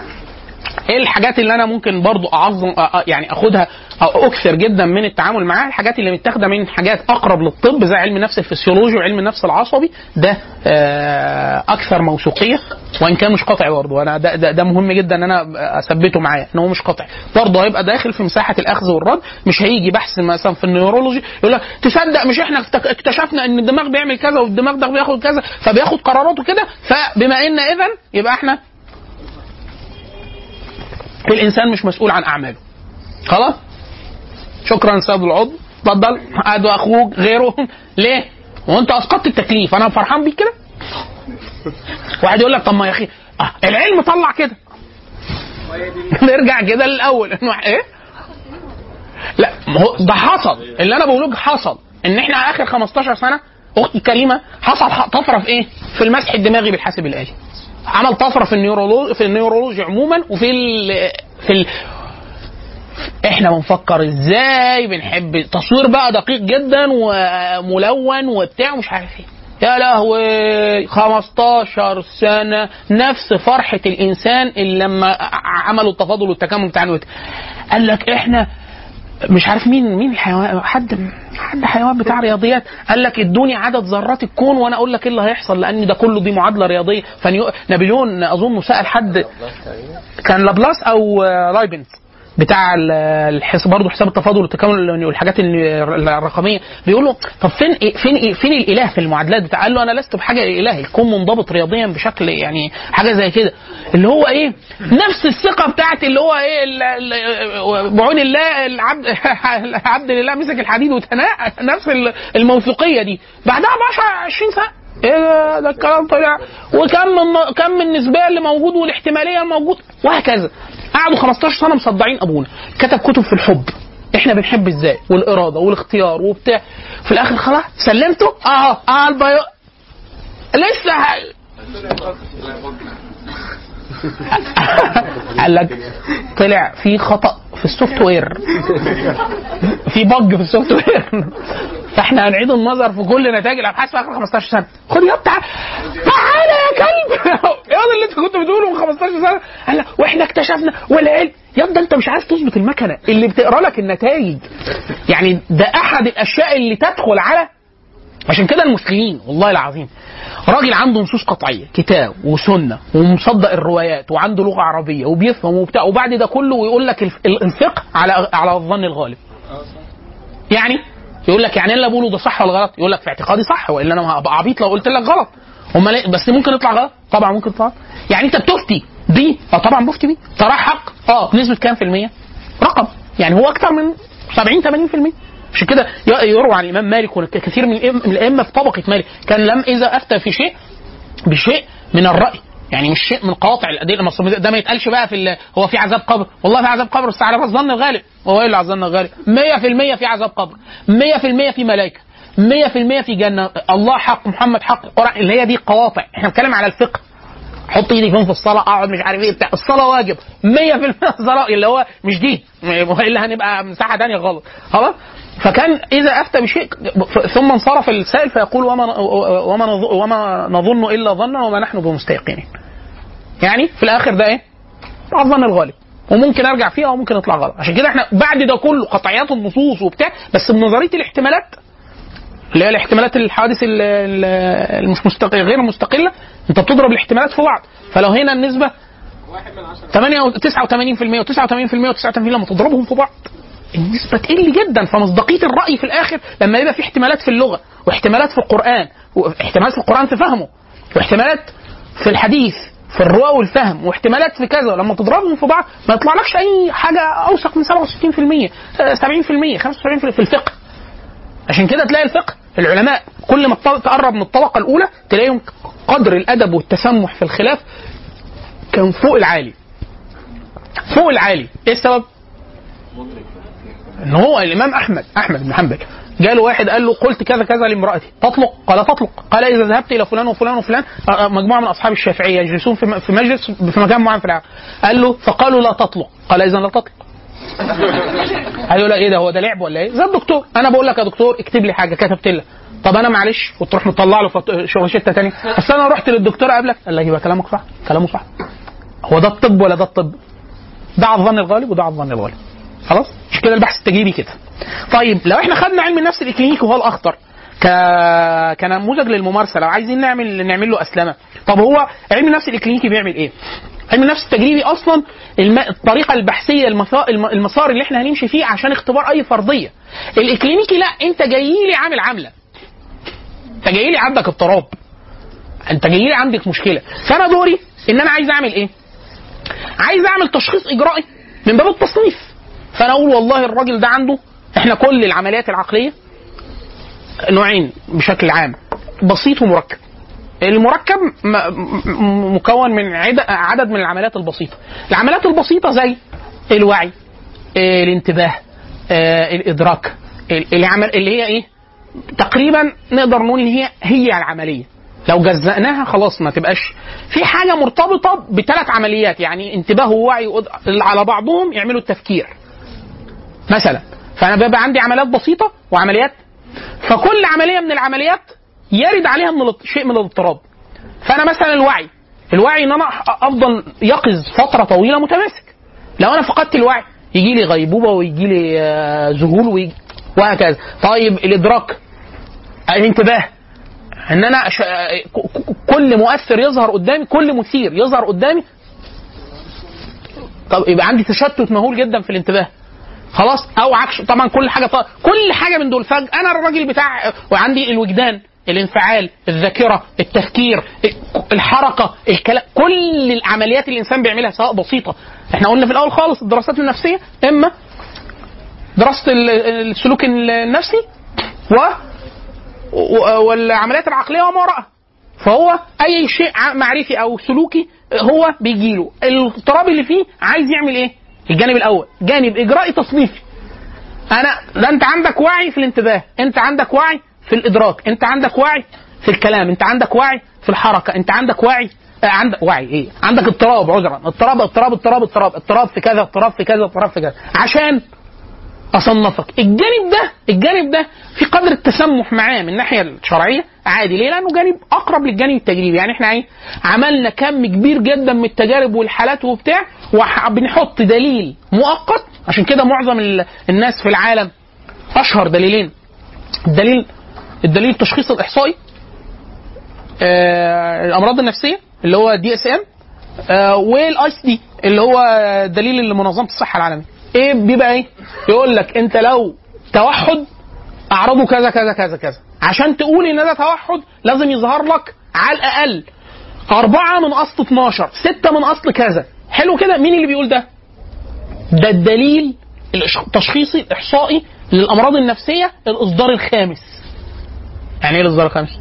يعني الإصدار الرابع كان إيه؟ كان لو لقينا ثلاثة من أصل م... إيه ده؟ استنى هو بيتغير؟ هو بيتغير. ليه؟ لأنه ده مبني على التجربة والصحة والخطا ومدى دقتنا ومدى والعلاج وعدينا علاج والناس. هل الطريقة دي قدرت فعلا تدينا تقريب طريقة تشخيصية فارقة؟ بقيت فعلا أعرف أفرق ما بين الاكتئاب والهوس؟ بقيت أعرف أنت جاي لي باضطراب معين بتعمل كذا وكذا وكذا إيه اللي يخليني أقول إن ده اكتئاب؟ وايه اللي يخليني أقول إن ده هوس؟ إيه اللي يخليني نقول ده خرف؟ إيه اللي يخليني أقول ده ألزهايمر؟ إيه اللي مين اللي يقول ده؟ الدليل. الدليل ده إيه؟ قابل للتغيير وقابل مش عارف إيه. فين الجانب الخطر في الإكلينيكي. مش الجانب التشخيص الاجرائي التصنيفي. مش ده. الجانب الكلي. لأنه ده خاضع للنظرية اللي أنت بتنطلق منها. يعني إحنا عندنا مثلا 12 13 نظرية ممكن ينطلق منهم المعالج النفسي. اللي هو بعلم النفس العيادي أو الكلينيكي إيه بقى؟ أنا ممكن ابقى منطلق من علم النفس التحليلي والتحليل النفسي بإيه؟ كذا مدرسة. يعني مش فرويد بس. وممكن أنطلق من المدرسة المعرفية. وممكن أنطلق من مدرسه العلم النفس الإنساني. وممكن انطلق إيه ده هو آه ممكن. النظرية دي مش مجرد بقى يعني أنا مثلا جاي أنت لقيت انت عندك رهاب؟ اللي هو الفوبيا أو الخوف المرضي. حلو أنت بتخاف من إيه يا حاج؟ والله أنا بخاف من الأماكن الواسعة. في ناس بتخاف من الأماكن الضيقة. في ناس عندها خوف مرضي من الصراصير. خوف مرضي من خوف مرضي. خوف مرضي من المصاعد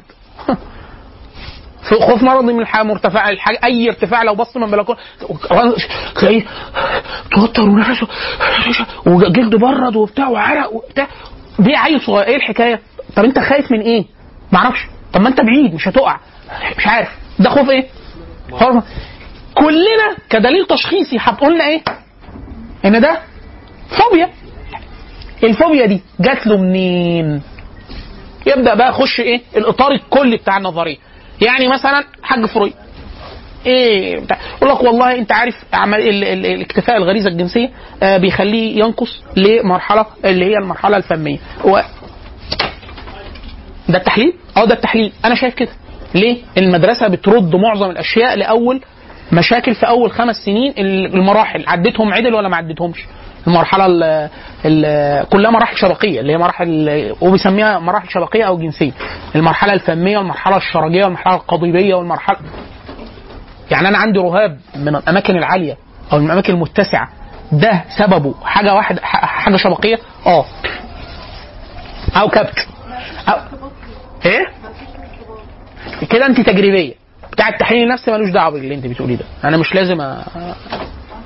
أنا ممكن آخد حالة واحدة. والحالة واحدة ما دام حللتها تحليل عالي جدا أقدر أعممها هنا بقى عشان كده أنا بقول لك هنا يبدأ علم النفس الإكلينيكي يبقى فين المشكلة معاه؟ إحنا من الناحية التشخيصية كأداة إحنا بنقول أداة أداة ليه؟ أنا عايز بس اصنفك اللي قدامي ده ده توحد ولا ADHD ولا سبيرجر ولا ريت مثلا يبقى أنا عايز أعرف إيه؟ العيل اللي أنت جايبه لي ده تخلف عقلي بسيط ولا ADHD ولا قلق عام ولا حاجة منهم. ده مهم جدا إن أنا أقول ما دام هو رئيس كذا كذا كذا يبقى في الغالب مش توحد. ولو أنا اشتبهت يا توحد يا سبرجر عندي اختبارات أقدر لو حطيتها على المحك أقدر أقول 100% توحد. 100% ده نوع من التوحد غير مصنف. ما التوحد ده أنواع. التوحد في آه، عذرا اللي طلع اي دي اتش دي اي دي اتش دي أقول لك ده عنده فرط فرط آه، نقص انتباه وفرط حركة. في نقص انتباه مع خمول. نوع. وفي نوع نوع غير مصنف. ADHD NOS يعني ما- ده حاجة ثالثه خلاص؟ ده يفيدني هنا الجانب الإكلينيكي اللي أنا كمسلم. أتعامل معاه كباحث مسلم مش كمطلق مسلم. باحث مسلم. الدليل التشخيصي العام أنا عندي عندي النسخه الانجليزي وعندي النسخه العربي وعندي اختصاره وعندي في ناس أحيانا بتطلع منه الجزء بتاع الأطفال بس. عشان إيه؟ تكون أنت شغال على اضطرابات الأطفال فأنا أطلع لك لأنه دليل كبير. وفي كم تفاصيل مهولة جدا. في ناس بياخد الدليل ده واخد دليل تاني. ياخد الدلالين وياخد مدرسة تاني. في الطريقة ال- ال- الفئوية دي بتاعت ال- الدليل التشخيصي. في طرق تانية. في طرق تانية ليها مزايا مش موجودة في الأدلة. فبطريقه متكاملة بيسموها العلاج التكاملي أو المتكامل. بياخد من ده وياخد من ده وياخد من ده. أنا في ده ما عنديش مشكلة إن أنا آخد أكتر حاجة بتحقق لي إيه؟ نتيجة أو قدرة تصنيفية فارقة مع المرضى. ده حاجة كويسة. فين اللي أنا ببدا أبدأ اقلم منه كمسلم مع علم النفس الإكلينيكي؟ المدارس. المدارس والنظريات الكلية. فأنت أول ما شخصنا قلت لي هتعالج يا أخويا التعقد إزاي؟ واقول لك والله أنا بتاع علم نفس إحنا هنقعد معاه هنعمل استدعاء هن... آه، تداعي مطلق هنشوف المشاكل معاه في المراحل الأولانية أمه عملت إيه أبوه عمل إيه الأسرة كانت إيه وبتاع. فواحد يقول لك يعني أنت مش هتستخدم الطريقة دي خالص؟ لا أنا هستخدمها مين قال لك أنا مش هستخدمها؟ هستخدمها بس أنا مش مؤمن بالنظرية. أنا هاخد أداة واحدة. اللي هي إيه؟ أنا عايز هستخدم أداة التداعي الحر عشان أعرف لو في رافد اجتماعي اجتماعي وثقافي وبتاع أعرف أحيده لو ليه مدخلية. بس أنا مش هبقى مؤمن تماما إن هو هو المدخل الوحيد والرافد الوحيد لتشكل هذه الظاهرة اللي أنا قدامي. بتاع التحليل هيبقى حالف طلاق إن هي عشان كده حاليا أكتر مدرسة بتروج في التعامل المدرسة المعرفية من ناحية من ناحية ال- ال label يعني وأكتر طريقة في ال clinic أو في العيادي عموما اللي هو المدارس بيسموها المتعددة أو التكاملية. ليه؟ أقول لك أنا أي حاجة أداة مفيدة نافعة بغض النظر عن التبنيه الاسترداديه الكبرى بتاعت المدرسة. يعني أنا مش مؤمن بكل اللي قاله فرويد ولا مؤمن بكل اللي قاله المدرسة المعرفية ولا مؤمن بكل المدرسة اللي قالته المدرسة الإنسانية ولا مؤمن وما أنت مؤمن بإيه؟ ولا مؤمن بكل اللي بيقولوه الأطباء كعلاج آه، كيميائي. أمال إيه؟ أنا لو الكيميائي بيقول لي ده احصائيا مفيد جدا للطفل التوحد هدي الجزء ده بس والتاني بيقول لي اقعد مع الأسرة وبتاع وشوف الطفل ده اتعامل معاه إيه أم وأبوه وجدوده والمس... والهيئة و... وكل هاخد ده والجانب المعرفي بيقول لي اعمل واحد اتنين تلاتة أربعة و... ونفذ معاه برنامج علاجي سلوكي وحاجة في التعليمية ومش عارف وخد طريقة برنامج إيه تأهيلي للطفل وبتاع هاخدها. هعمل ده كله. بدون أن أتبنى ده أقرب كثير جدا ل آه، ال- ال- المواضيع اللي إحنا بنتكلم فيها دي بتطرح على على في, كليات الطب النفسي في مصر؟ التأصيلي ما هم هم عندك اثنين نفرين. هم نفرين ومعاهم ثلاث انفار ملحقين بيهم. يا طبيب نفسي ده خريج طب والعياذ بالله وتخصص طب نفسي. فده راجل هو بالصلاة على النبي كده داخل بسم الله الرحمن الرحيم راشق مع الكيمياء. في الأصل. يعني في الأصل أنت داخل هتاخد حقنة. يعني هو في الأصل في الأصل يهمه لأن هو دارس دارس جهازك العصبي والكيمياء بتاع جسمك وبتاع. فأنت مكتئب. أنت بالنسبة له كمكتئب داخل إيه؟ يبقى أنت عندك الدوبامين شا... اس- اسمه إيه؟ السيروتونين. شكله إيه وبتاع الغدة الدرقية أخبارها حلوة تمام مظبوط. يعني إيه؟ هو بيشيك على إيه؟ العجل الزوايا زود زيت الفلاتر السيور يعني هو أنا عايزين إيه؟ نطمن إن المكنة مفيش أي حاجة آه، اطفي ولع تاني اطفي الراوتر ولعه ده. يعني هو بيشوفك أنت مظبوط من ناحية إيه؟ كيمياء. لأن هو بيقول وده كلام هنا صح إن أنت لو وقفت قدامه قرد تقول له أنا هعالجك بالقرآن أنا هقول لك رقية أنا ه... أنا بتاع تحليل نفسي. ده أنا هقوم أضربك وأضرب. وأكسر أم العيادة على دماغكم كله أنا أصلا عندي هوس عندي جنون عظمة. أصلا أنا عندي هزاءات إن أنتم بتتأمروا عليا. أصلا وأنتم جايبين المخابرات عشان تعرفوا الأسرار المهمة اللي أنا هنعمل فيه إيه ده, ده فالجانب النفسي هنا هيصنفه والطبيب. خد يا تعالى هيديله حاجة تهديه لو قلت نيمه يا تهديه يعني لأنه في فعلا أحيانا واحد يقول لك يعني التدخل آه فعلا التدخل الطبي الكيميائي ممكن يحيد حاجة معينة. اللي بيتنازع اللي بينازعوا فيها المعاكس بتاعه مش الطبيب النفسي بتاع التحليل النفسي بيقول له إيه؟ اللي أنت عملته أنت عالجت الغرض. يعني أنت فعلا هو مثلا كان عنده كذا كذا كذا الدكتور إداله الحاجة خلص. مش يقول لك؟ هو الواد ده قوم يلا حبيبي يلا تمام زي الفل. هو ظبط الجانب الكيميائي. هو التاني بينازعه في إيه؟ مين اللي جاب مين؟ هو الخلل الكيميائي اللي عمل له اكتئاب ولا هوس؟ ولا هو أصلا هو الهوس اللي قعد مع لغاية ما خرب هو علم النفس علم النفس الغربي. عشان نختم بده. علم النفس الغربي مساحة الاهتمام بتاعته إيه؟ أربع مساحات أساسية. يا إما أعصبه اللي هو بيسموه عصاب. ده حاجة نفسية ممكن أثرها ده ممكن نشتغل عليه نفسي وبتاع. يا إما ذهان ده جانب عقلي. عندك خلل. مشكلة مشكلة. ذهان جاي من الذهن يعني. عصاب الأعصبة والذهان أو الذهانات والحاجات الس- السايكوس آه، بيسموها آه، اسمها إيه؟ سايكومترية. آه السايكومتريه اللي هي اللي بيسموها النفس جسمانيه النفس جسماني اللي هو إيه؟ إن أنت جاي لي بحاجة بتقول لي أنا عندي آه، قرحة في المعدة. أنا عندي قولون عصبي. أنا عندي مش أنا آه، آه، مش شايف. إيه. سايكوسوماتي؟ آه. السايكوسوماتي الحاجات السايكوسوماتية أو النفس جسمانيه أو أحيانا بيسموها النفس جسميه فتعالج إيه بالظبط؟ فعلم النفس بيقول لك هو أصلا في حاجة كل ما تعالجه هترجع له تاني. والدكتور هيتجن أنا بديله العلاج. في حاجة. مثلا مراته منكده عليه في البيت. جاله قولون عصبي. مراته تخف عليه أو يقتل مراته القولون يمشي. خلاص. الحمد لله تمام؟ كده ظبط أمورك. إيه السبب؟ هو أصلا كانت المشكلة نفسية. اللي جاي له ده عرض خلاص؟ فأدي ثالث حاجة. أعصبة وذهانات و آه، ال- ال- السايكوسوماتيه والمشكلات المشكلات الحياتية. أو المشكلات بيسموها إيه؟ سميها خليها مشكلات نفسية، إيه المشكلات النفسيه؟ أنا بقول لك أنا بيجي أيام الامتحانات ما بعرفش أذاكر. أنا آه مش عارف بعمل إيه آه مش قادر أحط هدف آه في الحياة وأكمل عليه مش عارف إيه. أنت كده مش مريض. أنت كده إنسان طبيعي. بس عندك إيه؟ عشان كده الناس يقول لك أنا عايز أروح لحد مرشد آه، أو بيسموه أحيانا إيه، life life coach أو موجه حياة أو نصاب بياخد فلوس كتير عشان يقنعني إن أنا إنسان كويس. حاجة كده اللي هو إيه؟ حد مو... توجيه مهني. في حد أحيانا بيقول بيقولوا كلام مفيد بس اللي في حدود اعرفه يعني. ومعظمهم يعني هي ده عايزين يدرسوا نفسيا ده لأن هو هو إنسان ذكي جدا. بيستغل حاجة الناس لشيء آه بس هو في حد ممكن يعمل ده فعلا اللي هو الإرشاد أو التوجيه. في كده وده شق من علم النفس. في مادة كاملة بندرسها اسمها تنمية بشرية وفي حاجة اسمها ارشاد إرشاد نفسي وفي في حاجة في مادة المشكلات النفسية دي موجودة. ده الأربع أربع اتجاهات أو أربع جوانب اللي المفروض علم النفس بيأثر فيهم أو بيدرسه. الجانب اللي المفروض إحنا كمسلمين بنقول إن هو يجب أن يضاف إحنا مش هن مش هنقول إن دول مش موجودين دول موجودين ويجب التعامل معاهم ب عن طريق المثالين اللي خدناهم في علم النفس التجريبي والإكلينيكي. الجانب الخامس اللي المفروض يضاف الأمراض النفسية ذات الأصل أو الأسباب الروحية. ده يجب أن يضاف كاملا. ليه؟ يعني أنت الجانب الروحي استبعاده بالكلية انت كده بتتعامل فعلا زي التعامل اللي هو التعامل الهزلي اللي إحنا قلناه للدكتور. الدكتور أنا هظبط مستوى الكيمياء في جسمك حلو وبتاع زي الفل. أيوه كده أنا علاقتي بالخالق إيه؟ طب أنا ممكن يكون اللي بعمله ممكن يكون سببه معصية وممكن تكون معصية قلبية فهي اللي مفسدة عليا حياتي. خلاص؟ مش كده إحنا عندنا كم الأحاديث اللي بتجيب أثر نفسي اللي هو فعلا يمكن لو أنا جبت الدليل التشخيصي أقول لك هو ده الدليل التشخيصي بالظبط هو ده لكن هو صاحب الشريعة وصفه ان المسبب وصف إيماني.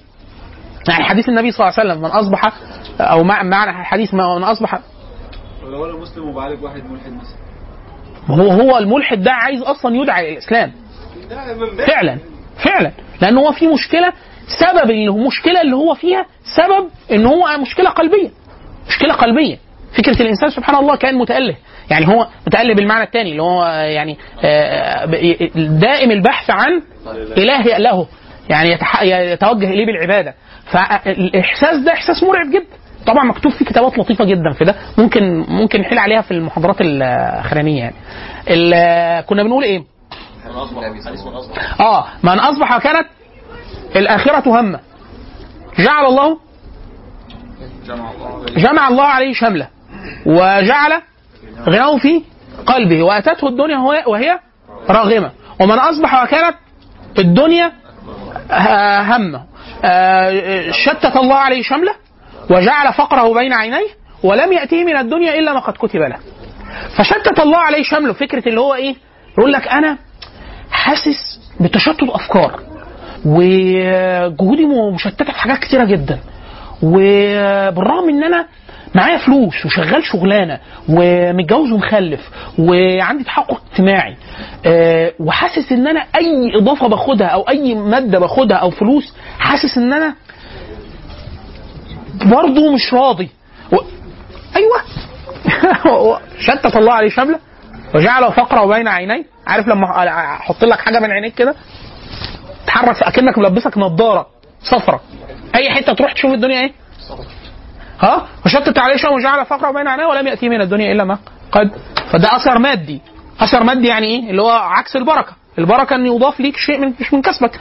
الثاني هتمحق. يعني اللي أنت هتعمله تاخد على قده بالظبط. مش هزيد ده مش هزيد است- فالجانب ده لو أضيف واحد يقول لك يعني ده ما كانش أضيف لا كان مضاف. بس إمتى؟ بالطريقة المسيحية. إيه يبقى انت مالي آه. الجانب الجانب اللي كان يقول لك إيه؟ فلان. آه شكله عنده مشاكل آه شكله مجنون. نعمل إيه؟ يبقى راكبه شيطان. نعمل إيه؟ نحرقه حي. آه أوروبا قعدت تعمل كده فترة. عشان كده علم النفس الغربي حاليا. أي حاجة من اللي إحنا بنقولها لما حد بيقول اسلمه وبتاع يقول لك أنتوا عايزين ترجعونا للقرون الوسطى؟ لا والله القرون الوسطى دي كان عندكم انت إحنا ما كناش إحنا كنا, كنا هناك المجانين. عند عندنا بمارستان للمجاذيب وكان عليه آه، رعاية وكانت الناس وك وكان مكتوب كتابات زي ما أخونا كان بيقول كتابات لطيفة جدا في حدود الموجود والممكن وبتاع كان حاجة كويسة جدا. أنتوا كنتوا بتولعوا فيهم حاجة قضية ثانية أنتوا كنتوا بتطيروا ورا ال- الساحرات وبتعتبروهم كائنات شيطانية وبتولعوا فيهم أي واحدة في الآخر بتطلع مش ساحرة ولا حاجة وهكذا. فالجانب إضافة الجانب ده آه هيفرق جامد جدا. النقطة الأخرانية إن وجهة النظر الإسلامية بعامه بعامة ليها شوية محددات. يعني مثلا فكرة العقاقير. العقاقير. لا المسلم عنده شوية فلاتر فقهية. يعني قول النبي صلى الله عليه وسلم لم يجعل شفاءكم فيما حرم فيما حرم عليكم. إن الله عز وجل لم يجعل شفاءكم فيما حرم عليكم.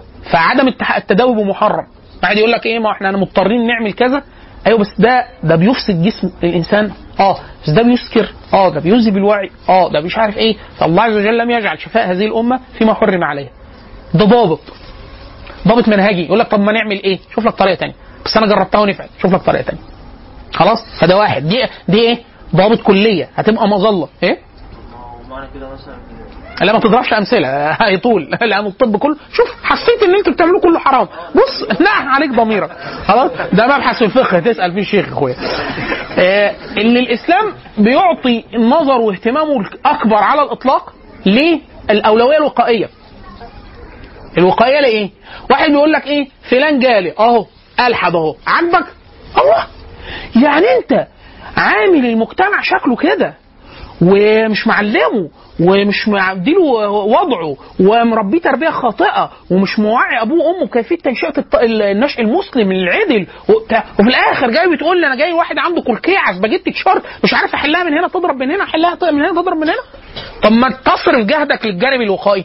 زي بالظبط إحنا هنا بالظبط في موضوع السجاير. يقول لك إحنا إيه؟ الدولة رفعت الضرائب على السجاير. والدكاترة يدرسوا كام سنة عشان يشوفوا التدخين واثاره ومش طب ما نمنعه. واحد يقول لك إيه؟ طب ما لو منعناه هيغلى. لحظة. هو مين الحيوان اللي ربي على وأنشئ على إن أنت تعمل فيه واحد اثنين ثلاثة أربعة لدرجة إن هو يبقى مدمن بحاجة زي كده؟ اللي الناس مجمعة عليها إن هو وإحنا عارفين اللي بيشرب واللي ما بيشرب إن هي مضرة. لا يبقى يبدو إن خلق خلل فالجانب ال- الثقل الأكبر للجانب الإسلامي وده يشبه يش- يشبه توجه علم الاتجاه بتاع علم النفس الإنساني وعلم النفس الإيجابي. اللي هي فكرة إيه؟ الجانب الوقائي والجانب طيب آه آه في نقطة أو نقطتين ممكن نقولهم في أول المحاضرة الجاية يعني هنستكمل جزء بسيط جدا مع استكمال القاعدة الكلية دي في أول المحاضرة الجاية على اللي هي فكرة لو حد يفكرنا يكتبها كده ال- الاختلاف حول مفهوم السواء. دي نزاع كلي أقرب للفلسفة. هو إيه؟ مين السوي؟ وإيه حد السواء؟ وإيه معيار السواء بالنسبة لكل مدرسة من المدارس؟ وه- وال- والإنسان لما بيعرف النفس السويه بيعرفها إزاي؟ عشان أنا أقول إن ده إنسان سوي. فده حد السواء ده مهم جدا. ليه؟ لأن أنا لو قلت إن ده سوي مش هعالجه. ولو قلت إن ده مخ... م... م... م... مفارق للسواء بنسبة يبقى المعيار؟ فأنت سألت كده سؤالين إيه؟ سؤالين هو إيه السواء وإيه معيار حكم على السواء وعدم السواء؟ آه نشكركم آه، شكرا جزيلا على كل الحلويات اللي أنتوا جبتوها لنا.